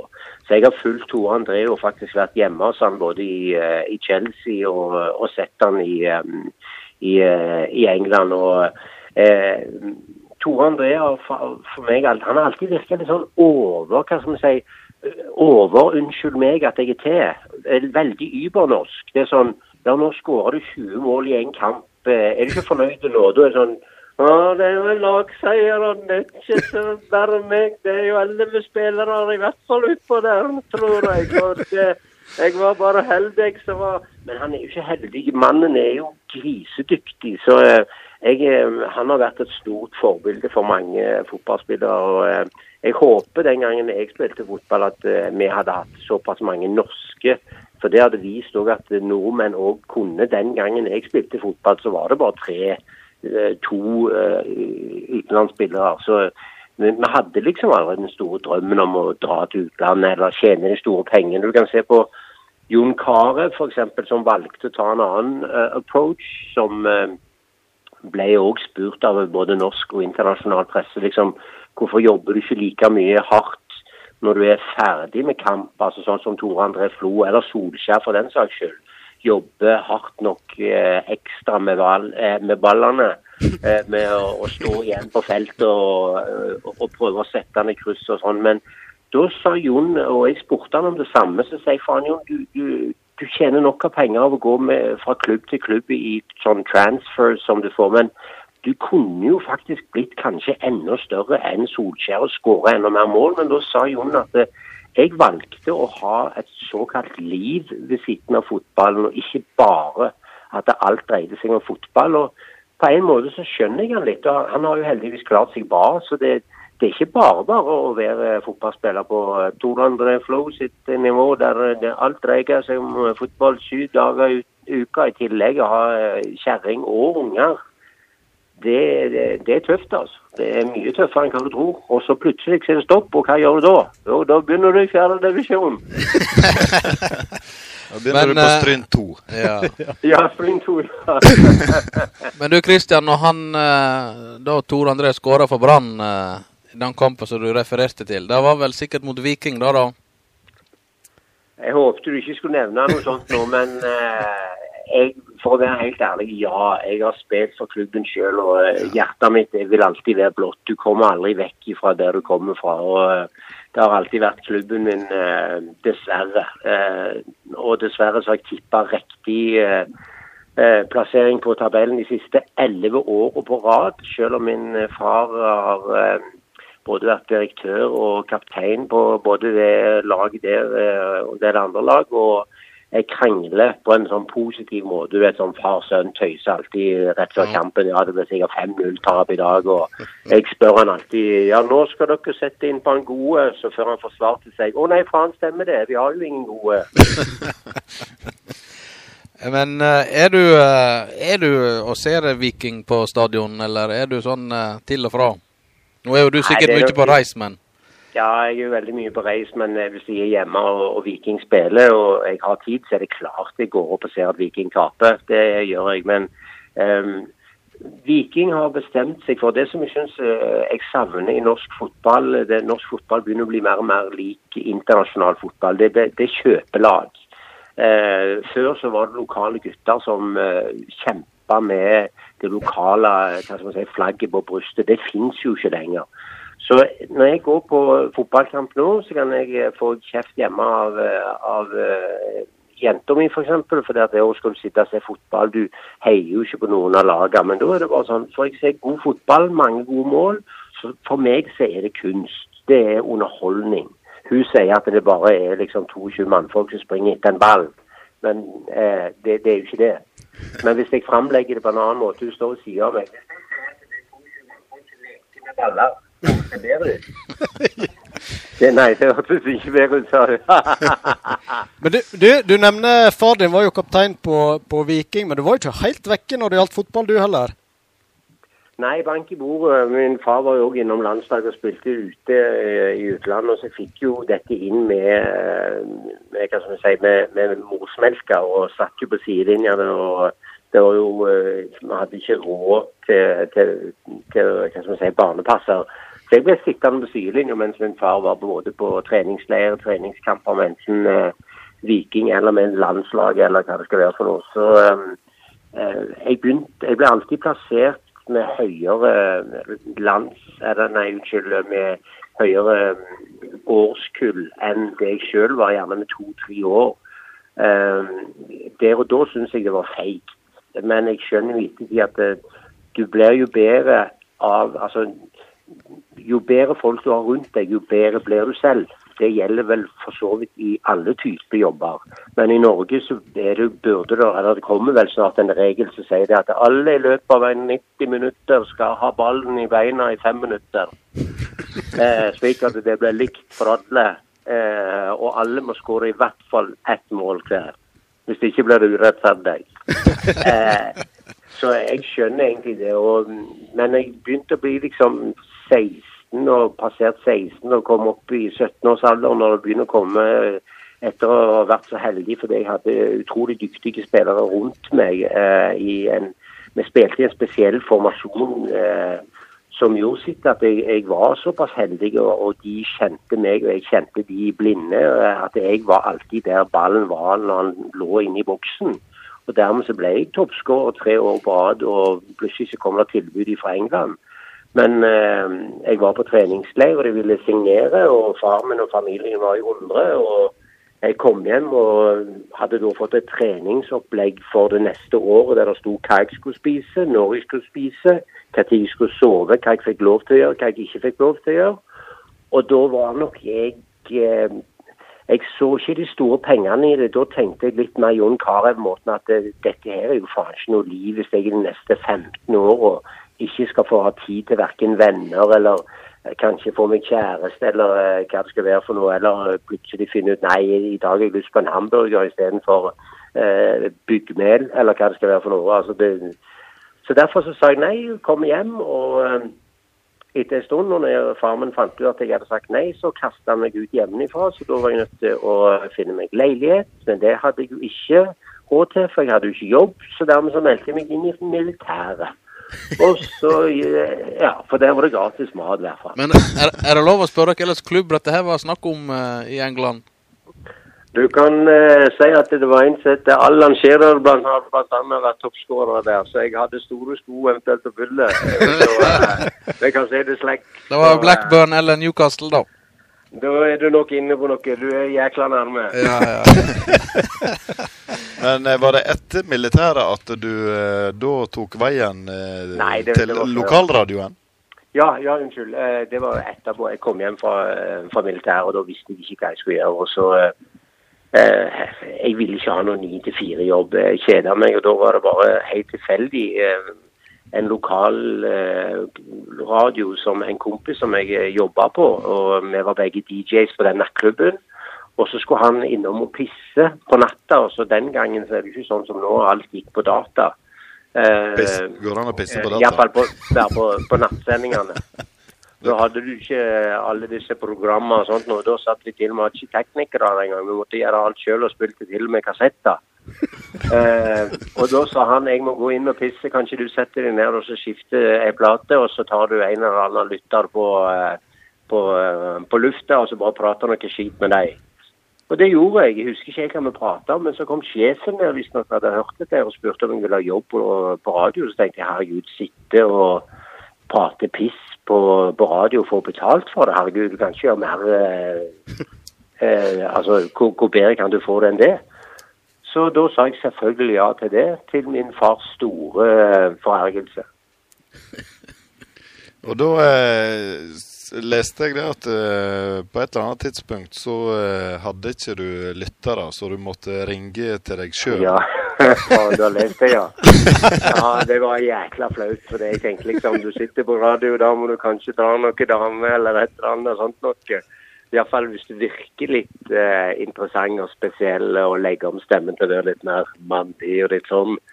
Um, så jeg prøvde å ha litt mer nattrønske stemme og bare på Stavanger-dialekt. Så ville de gjerne ha i gang en debatt og måtte slå i telefonnummeret i to timer. Det var faen ikke en kjeft som ringte. Så hadde jeg to uker på elektrolinja eh, inniblant fotballen, eh, så jeg hadde lært å bruke en loddebolt. Så jeg lodda om en ekstra mikrofon, sånn at den fikk telefonstemme. Så jeg måtte liksom si ja, vi har en lytter på lufta. Og da måtte jeg snakke med meg sjøl. Eh, så jeg stilte meg sjøl spørsmål, og så endra jeg stemmen. Og så jeg på etterpå, da var jo programmet ferdig. Og så begynte telefonen å ringe som bare pokker, og alle sa til han som du nettopp hadde på lufta, må du aldri slippe på lufta igjen, for han kan ikke være god i hodet. Og da tenkte jeg her må vi ha et eller annet. Så etter hvert så ble det jo bare galnere og galnere folk som ringte inn. Og det var kun deg sjøl hele veien, da, selvfølgelig. Ja, dessverre. Helt, eh, det gikk skikkelig gale, og jeg parodierte. Jeg tror det var det var, ikke, det var enten Åge Hareide eller den gang Viking-trener Bjarne Berntsen som mente at det er jeg som jobba på Jeg tror det var Bjarne Berntsen. Siden jeg jobba på lokalradio, så var ikke jeg stor nok. Eh, Hadde jeg jobba i NRK, så hadde han sikkert tatt, seg tid. Men han ville ikke gi noe intervju etter et forsmedelig dårlig tap i cupen. Og dermed så tenkte jeg OK, fuck it. Hvis ikke du vil eh, svare på det, så gjør jeg om stemmen min til din, og så svarer jeg akkurat det jeg vil sjøl. Og det ble fremsider opp og fremsider ned i lokalavisene hvor useriøse denne vikingtreneren var. Det ble helvete. Så da måtte jo jeg ut og si sorry, det var meg. Det var jeg, fikk ikke tak i Bjarne, så jeg var nødt til å gjøre det sjøl. Men jeg burde jo ha sagt det, så jeg, jeg tar sjølkritikk på det. I hvert fall offentlig. Men eh, Kristian, om ikke det ble en fotballkarriere på deg, så er iallfall vi veldig glad for at det dreier seg mer og mer inn på humor. Og eh, kan stryningene forvente et besøk av deg i nær framtid? Har du oss Du, på vi satt faktisk, ja, vi satt faktisk og så på det, hadde møte om det i dag, og så er det neste møte i morgen. Vi ser på det, for vi, vi kombinerer litt når vi jobber i utlandet, og når jeg er hjemme, så er det prøve å prioritere litt grann familie, og ikke minst litt grann å jobbe. Så uh, ingenting er bedre når vi kommer til Stryn, og da håper jeg at Tor André og resten av familien kommer, så jeg kan få eh, spandere ei pølse tilbake igjen, slik de gjorde på meg når jeg var hos deg i London og deg. Vi har iallfall uh, ingenting imot et uh, strynebesøk. Uh, veldig kjekt at du har lyst til å være med i Sport und spas på Radio Stryn. Og helt til slutt, Kristian, så lurer jeg på om du kan gjøre oss ei siste tjeneste. For Ja, på uh, datamaskinen, som det heter nå, ikke kassettspilleren, der ligger altså a-ha med låta 'Stay On These Roads'. Kunne du ha introdusert den som en viss person? Altså, det, nå, nå skjønte jeg ikke helt spørsmålet. Altså, men hva er egentlig et spørsmål? Det, er, det, kommer jo helt an på hvem som egentlig øh, åpner det hullet du har midt i ansiktet, øh, som, som kalles munn. Og den lyden eller fonografien som kommer ut. Så dermed, når jeg på en måte åpner munnen og dette kommer ut, så, så høres det på en måte sånn som dette her ut. Og heldigvis er det ingen andre enn en gærning på øh, Valen, tror jeg han heter, som prøvde seg på dette her, men det gikk jo rett til helvete, altså.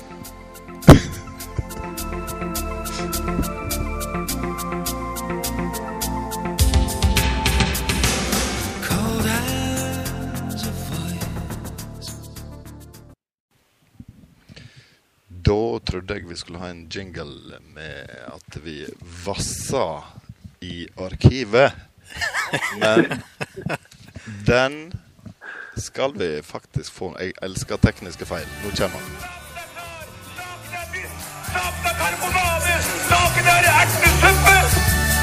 Vi vasser i arkivet. Jingelen er jo så flott at den må vi ha med oss. Selvfølgelig.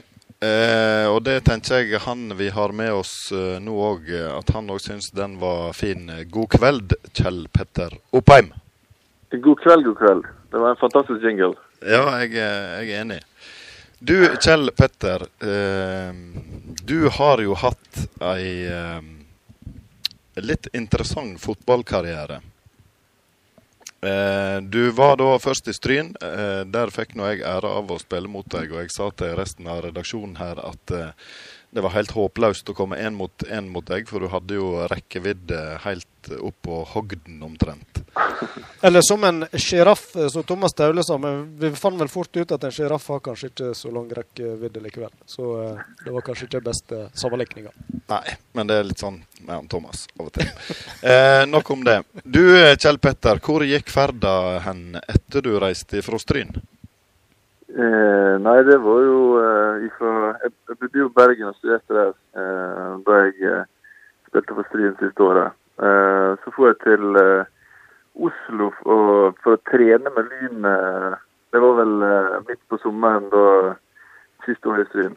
Og så fikk hva sier jeg, fikk bra tilbakemeldinger der. Og, men jeg ble ikke ganske overrasket da jeg ringte eh, ved sesongslutt og ville ha meg til å flytte til Oslo. Så det gjorde jeg da i ja, i januar 2004. Eh, og, eh, men men eh, så ble det litt kluss med forhandlingene mellom Du var inne på han Frode Legge og Oppsyn. Gikk- Forhandlingene gikk ikke så smooth mellom Stryn og, Stryn og Lyn den gangen. Tvistpåsen uteblei, eller? Ja, det er jo vi hadde, Lyn hadde jo en uh, kar Morgan Andersen, som jeg veit forstår at han var ikke så enkel å forhandle med. Så, Stemmer det, ja. så ehm, da ble det et eh, utlån i stedet for til eh, Oslo øst. Altså, planen var å signere med Lyn og så bli lånt til Oslo øst. Det ble heller bare lånt ut til Oslo øst. Som da var nynedrykket fra førstedivisjon. Eh, og eh, ja, et eh, ganske interessant eh, En interessant klubb. Hvordan da? Jo, det var jo en, eh, en sam De samarbeidet med United òg. De gjorde iallfall det, eh, Oslo øst. Det var jo eh, på Frode som til å dykke i TV 2-arkivet, så ser du han Alex Ferguson gå og ta skjevt på Manglerud og gå gjennom et, eh, et hull i gjerdet.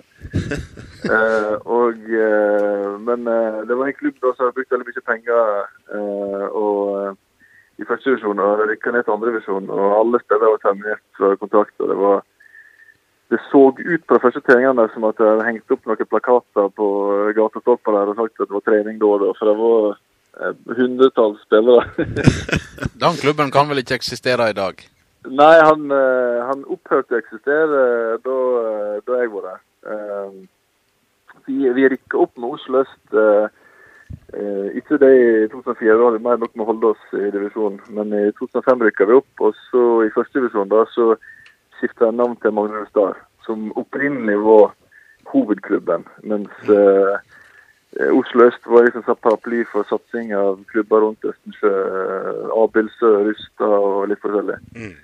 Men det fungerte ikke spesielt godt. Eh, Det kan jeg vel skrive under på i og med at jeg har vært der alle årene. Men da spilte du altså i det som nå heter Obos-ligaen, for uh, Manglerud Stad? Ja. ja. Um, hvordan, hvordan gikk det? Sto du fast? Eh, hva skal jeg si eh, Jeg spilte jo en del kamper, men eh, jeg var veldig skadeplaga. Det, det begynte allerede første året jeg kom til Oslo. Da hadde jeg eh, prolapslignende ryggplager eh, pga. Eh, ganske harde, harde sånn eh, gammeldagse kunstnervarer der du bare ligger fint oppå betong. så jeg hadde ryggproblemer første sesongen der. Så da vi kom til første divisjon, da hadde jeg råket korsbåndet, men, eh, og fikk litt sånn eh, slo opp igjen, eller eh, hadde knerelaterte skader. Men jeg fikk noen kamper innimellom, så jeg tror vi sto omtrent 50-50, jeg og han kollegaen min. Et godt minne der er vel dette bildet av deg med hanskene rundt hodet på Christer George. Det er helt riktig. Det, det, det ser jo Det er en fantastisk uh, bra klipp av han der fyren i Drammens Tidende. Men eh, det som skjedde, var at jeg mist- jeg mista en corner.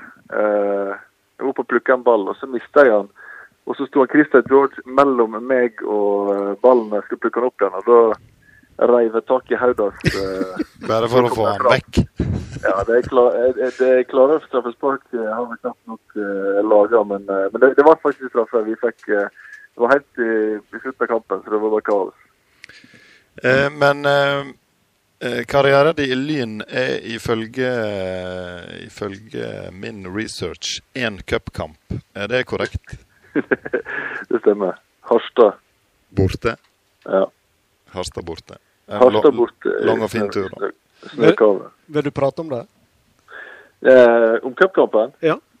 Nei, altså det Det eh, det var en fin maidag helt til det begynte å snø. Og så, og så eh, leder jeg faktisk 1-0. Og eh, jeg så ingen verdens ting annet enn fireren foran meg.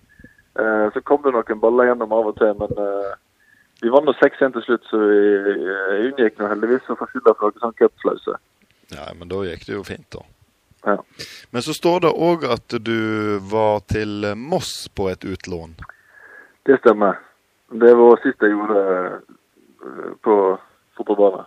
Men, men du, Kjell Petter, hvor, hvor gammel var du på denne tida? Eh, Bare for å få et bilde av hva tid du var. Det var I Moss det var eh, 2008, da var jeg 26 år. Ja. Så det var, eh, det var Jeg var utlånt til Moss og eh, spilte en eh, en andrelagskamp eh, siste eh, kampen på sesongen der eh, borte mot Ås. Og da var jeg ganske sikker på at dette var nå var på tide å finne på på nytt. Hva var grunnen til at du, du ville gi deg da? Nei, Det var bare at en hadde prøvd eh, Hadde satsa bra de fem åra etter jeg eh, flyttet til Oslo. Eh, og hadde hatt bra framgang innimellom, men en blanding av Hva skal jeg si? Det var, jeg, hadde sånn tålmodigheten eh, Følte jeg hadde vært tålmodig nok eh, med skader litt forskjellig. Men det siste halvannet året så var jeg eh, skadefri, og da hadde jeg forventa at eh, ting skulle skulle gå enda raskere rett vei. Eh, så eh, det året jeg var i Lyn, så så du liksom hva lista lå igjen da. Um, han Eddie Gustavsson han eh, jeg, eh, var førstekeeper og han ble kåret til Kiplingens beste eh, keeper det året.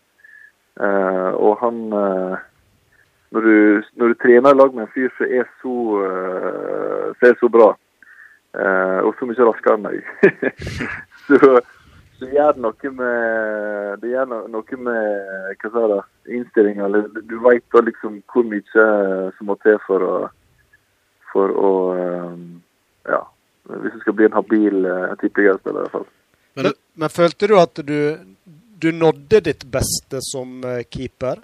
At du fikk ut potensialet? I og med at du var iallfall skadefri den siste halvtimen av året? Nei, det skal, jeg skal være ærlig, så vet jeg at jeg kunne Hadde en spilt eh, Hadde han holdt på noen år til, så hadde en selvfølgelig kunne bevist mer eh, at eh, en hadde bra ferdighet inne. Men og han sa jo det, han eh, Det var i Moss, så var det en, eh, en svensk legende som var på lån der. En som het eh, Andersson, hva hette saken. Uh, alle heter Andersson.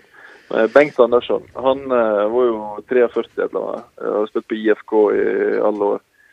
Og han sa at jeg måtte ikke finne på å legge, legge opp noe, for det, det, er når du eh, begynner å komme opp i 20, altså når du begynner å bli noen år at du, at du blir en bra keeper. Men eh, samtidig så er det at eh, når du eh, hva skal eh, når du har trent i såpass mange år og du eh, hva skal eh, har tatt noen skritt, så, så ser du òg hva begrensningene har. Så det jeg hadde, jo, jeg hadde jo en lang vei å gå teknisk. Altså, jeg hadde ikke keepertrener før jeg var 21 år gammel. Så det i seg sjøl er jo egentlig veldig handikap når du får planer om å bli en god keeper. Men det var aldri aktuelt å gjøre sånn han Frode Hol Egge har gjort, da, og trappe ned i lavere divisjoner? Jo, altså, så fotballidenskapelig som jeg er, så er det kanskje bra at jeg ikke har eh, gjort det. Men uh, hvis en skal være keeper på lavere, eh, lavere nivå, så uh, med, med min kropp, to meter og 100 kilo, så må du varme opp uh, ganske grundig hver eneste gang hvis du skal slenge deg. Eller så blir du bare stående og, se på baller som går inn, så du vet du kunne tatt dem som slengte deg. Så Er det sånn at du må begynne å varme opp gjerne dagen før? ja. Cirka, cirka noe sånt, ja. Nei, det, det er Hadde du hatt eh, Stryn stadion eh, da han var på sitt beste, og han, Jalle igjen klippte den med neglehårtrim, eller hva man kaller det da, da, altså, så stå i, stå i shorts og kaste på sånne ting, da har jeg gjerne spilt på eh, sjette divisjon. Men eh, når du, banen, banetilstanden er i Oslo iallfall er ikke helt den samme. Vi har jo heldigvis en annen lokal keeper i en Jamel Rake som tar seg av eh, keeperjobben i de lavere divisjoner i Oslo-området. han, ja. han får ta seg av det, da. Han får gjøre det. Har du, har du alltid spilt uh, keeper, eller har du ei forhistorie som utespiller òg? Uh, ja, jeg spilte jo uh, Jeg var vel midtstopper slash midtbanespiller på smågutt. Det er vel siste gangen jeg fikk lov til å spille litt ut på banen. Men hva skal jeg si da? Jeg, jo, jeg, likte å spille ute, så hadde jeg vært 10 cm lavere og litt raskere, så hadde jeg nok eh, heller ville spilt ute. Så eh, jeg, jeg anbefaler ingen å bli keeper, for det, det er jo egentlig en eh, Det er en dritjobb. Du står bak der og, og blir Du får ikke å involvere deg annet enn når ballen kommer. Så er du midtbanespiller, så kan du springe til du stuper og, og prøve igjen og igjen og igjen. Men Så keeperrollen er litt spesiell. Det er vel enda verre å bli reservekeeper. Ja, det er jo ganske meningsløst. Jeg tror det er veldig få som satser akkurat på det. Han hadde ikke gjort meg noe. Jeg vet, jeg vet ikke om dette bidro til rekrutteringa, da, men uh, Ja, ja. Det forandrer Men hvem, hvem var det som var Holdt på å si eh, Når du spilte for Stryn, hvem var Det var vel flere keepere i klubben på den tid? Ja, det var noe Jeg vil Vi har Frank, da, som er, er ekspertkommentator på styrefotball. Men eh, Polly er kanskje en største keeperlegende. Han og Harlos. Ja. Så, så Pollyen var ikke lett å og, uh, Er det han som er grunnen til at du egentlig reiste til Oslo? Nei, det er ikke grunnen. Han, eh, han var jo den, jeg- den sesongen jeg fikk sjansen til å, til å vise meg fram, da var jo han skada. Så, eh, så eh, jeg fikk nå jeg fikk nå en stund, iallfall. Han har jo spilt eh, en cupkamp i år, vel, mot Eid. Ja, da fortsatt aktiv. Ja. Jeg eh, så det Det må nevne det, Kjell Petter. Jeg så eh, på ei eh, nettside. Der fant jeg en, eh, en sånn spillerprofil på deg. Der står at du var da retired i 2009. Eh, Mm. Og så så jeg òg din høyeste verdi i løpet av din karriere. Har du lyst til å tippe? Det, dette her er i euro. Dette er euro? Ja. Oi. Nei, det Hva skal jeg si? da? Jeg husker ikke hva han, eh, hva han eh, Morgan Wesen og han uh, Torfinn Moen krangla om, men eh, jeg tviler på at det kan ha vært mange euro. Det, eh, kanskje en eller annen gang i nesten et spilte første divisjon at eh, jeg må ha snusa på en eh, 10 10 000 euro. 50 000 euro. Det er skivebom. 400 000 euro. Oi, oi, oi, Oi, oi, oi. 400 000 euro. Fire millioner da nå. Ja, Det er det verste. Ja, det, det, det var faktisk en eh, trivia Altså. eh, var fantastisk, eh, Jeg var ikke klar over. Føler du at du var verdt det? Nei, fire millioner ville vært galskap å gjette meg. jeg vet han, han Børre Stensøy kostet vel seks millioner da når, når Molde kjøpte han fra Viking eller noe sånt. Og det syns folk var dyrt. Eh, Han Børre Stensli har bevist eh, ganske mye mer. så eh, ja, fire millioner, det er ganske Det var heavy. Det er klart Når Oslo øst brukte penger som følger sjømenn, så kanskje det var ikke skivebom likevel. Ja, nei, det er sant. Men en annen, en, en liten inne på trivia. Altså, jeg, eh, Moss var noen få sånne her kommunestyrvedtak unna å bli slått konkurs. Jeg tror det var kommunen som redda dem i siste liten eh, da på, for en eh, sju-åtte år siden. Og hvis de hadde gått konken òg, så tror jeg jeg må være den eneste spilleren som har spilt for tre norske klubber som har gått konk. Lyn, eh, Manglerudstad og Moss var så nær som det overhodet mulig å, å bli. Så, og, det, og det er ikke lønningene mine som har trukket ned det greiene her. For eh, jeg spilte for eh, knappenål og gl- glansbilde. Du har aldri mottatt uh, noe lønn av betydning, eller? Ja, jeg, fikk, eh, fikk lønn i Lyn og i Moss og i Oslo øst fikk jeg eh, noenlunde. Men uh, ikke sånn uh, at du kan leve av det. I Oslo en dyrby. så det var ikke sånn uh, knapt nok til å leve av i Stryn. Denne konkurstrenden du snakker om, det er ikke noe du har tatt med deg inn i arbeidslivet? Nei, det, Her er vi direkte det- rett på. Nå jobber jobber for så vidt i en slags vennebedrift, en stiftelse. Så eh, der, eh, der eh, er det vanskelig å gå konkurs. Det er ikke sikkert det er tilfeldig at du er akkurat der. Har du tenkt på det? Det, nei, det kan jo altså, Det ville vært et veldig fornuftig valg av meg, sånn at jeg ikke skader arbeidsgiver. Men så det, det, er, det er et godt poeng, eh, Frank. Jeg skal passe på å ikke eh, ha for mange verv eller rote meg inn i, i selskapet jeg kan eh, Passe på å ikke bytte jobb. Nei, det gjør ikke jeg. Kjekt jeg- Ja. Ja, jeg, jeg tenkte jeg skulle si- si- inn at det jeg, jeg er jo beæret for å være med i to fantastiske selskap med Tor André Flo og Kristian Valen.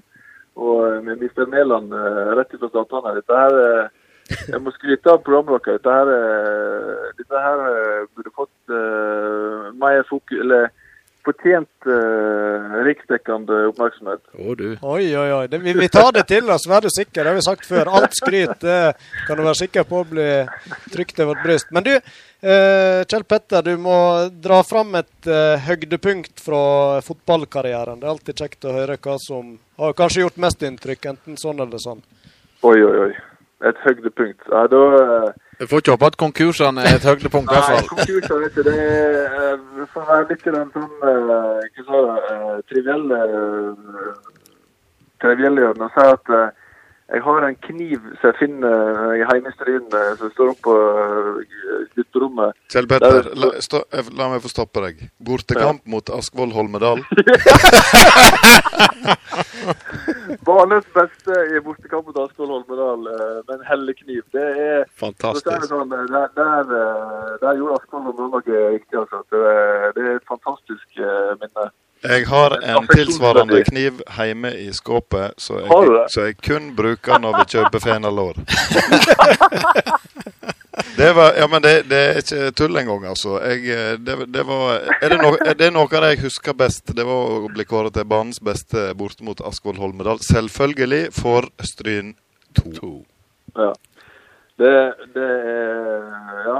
Jeg, eh, det, når, når du er inne på dette med banens beste, sånn, det var morsomt på Oslo Øst. gjorde et nummer av eh, at uh, en måtte følge med. eh, For det var en som uh, Vi, vi leda en kamp, en viktig kamp da vi uh, kjempa opprykk. Og så blir han uh, banens beste ropt opp ett minutt på overtid, i, og det var midtstoppen, på en corner imot. Og han mista jo helt fokus, og ballen datt ned på han fyren han skulle passe på. og Der røyk seieren på. Så det er dette her med dette her med å rope opp eh, banens beste, det må, det må si til spikeren på Stuen stadion. Det må ikke skje det må ikke skje på norsk kappetårn står på. Ikke på defensiv dødball. Ikke på det Da tror jeg vi avrunder med det gode rådet adressert til alle spikere rundt om på stadionene. Veldig kjekt du var med oss, eh, Kjell Petter. Og så eh, må du ha en fin sommer, og da sender vi med sikkert en eh, sleger du eh, husker fra eh, åra på diskotek i Stryn med gylne tider. Sommertider. Ja. Ha det godt. Ha det. Ha det.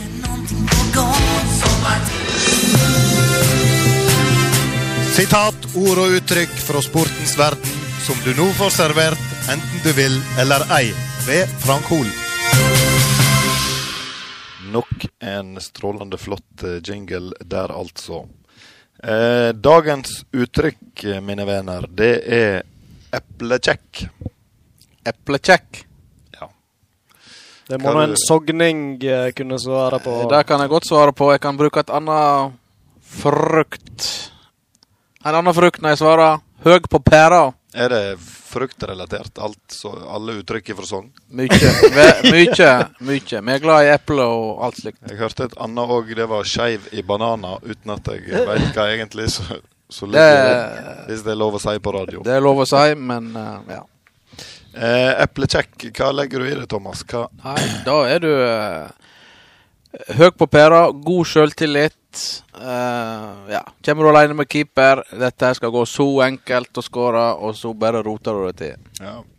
Jeg ser for meg en som kommer alene med keeper, og så skal han være litt sånn i overkant eh, overkant mye selvtillit og skal chippe han over Litt han, sånn og så- og, og så bare chipper han han opp i hendene på keeper sånt, og Ja. driter seg helt ut. Mye sånn du gjorde i dine glansdager. da. Nei, jeg, jeg, jeg har ikke lært meg å chippe en ball. Jeg bare drilte. Det er iallfall et eh, eh, litt negativt ladda ord. Du er, når du er eplekjekk. Ja, det er jo det. Eh, så det som er mm, på en måte fasiten her, da, det er det, det En som er eplekjekk, er, er i det kjekkeste laget. Eh, litt sånn kvalmende kjekk, da. eh, eller bråkjekk og freidig. Eh, folk legger litt ulike ting i ordet. Eh, det kan hende at leddet med eple har med friskleiken å gjøre. Eh, årsak. Eh, hvor gammelt ordet er, det vet ikke vi. Men eh, eh, nå skal vi faktisk, beklageligvis, Thomas, ikke djupt inn i middelalderen. Toucha meg Nei. Vi er altså eh, i f- Ja, vi skal ikke mer enn en, en 60-70 år bak i tid. Eh, Krigen? Ja, litt før det. eh, rundt der.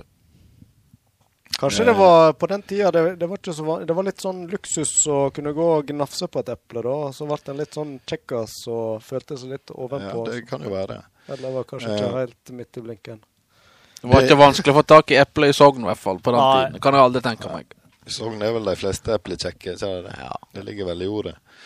Eh, men eh, det kommer da nokså sikkert av svensk eppelkjekk med synonymet eppelhurtig, som var et nytt ord i, på svensk i, eh, eller på 50-tallet. da.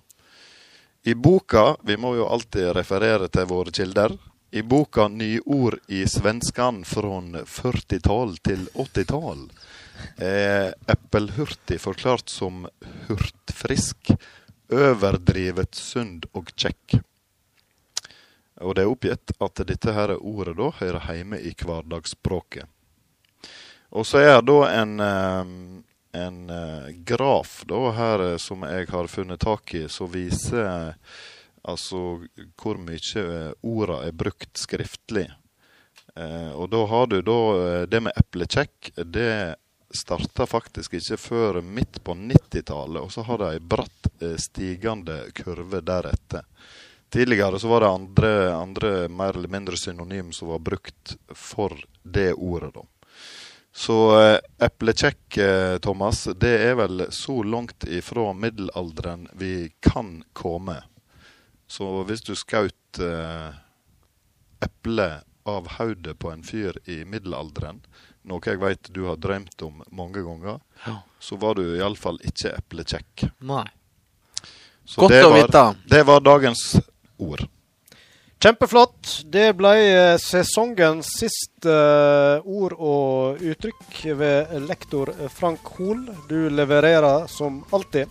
Jeg hører at eh, kjenningsmelodien vår den allerede begynner å surre og gå i bakgrunnen. og Det betyr vel at vi har en eh, tekniker som gjerne vil hjem igjen og legge seg. Nok får være nok, sier han. Han Ove André har kjøpt øl. Ja. Vi har iallfall kosa oss gjennom eh, ganske nøyaktig to timer her i studio, som vi bruker å gjøre.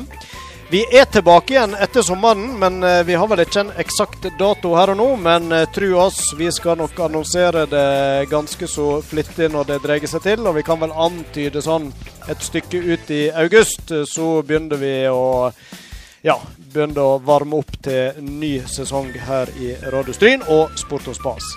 Veldig kjekt. Da takker vi av for oss, og på min høyre side der sitter som alltid Divok Origi.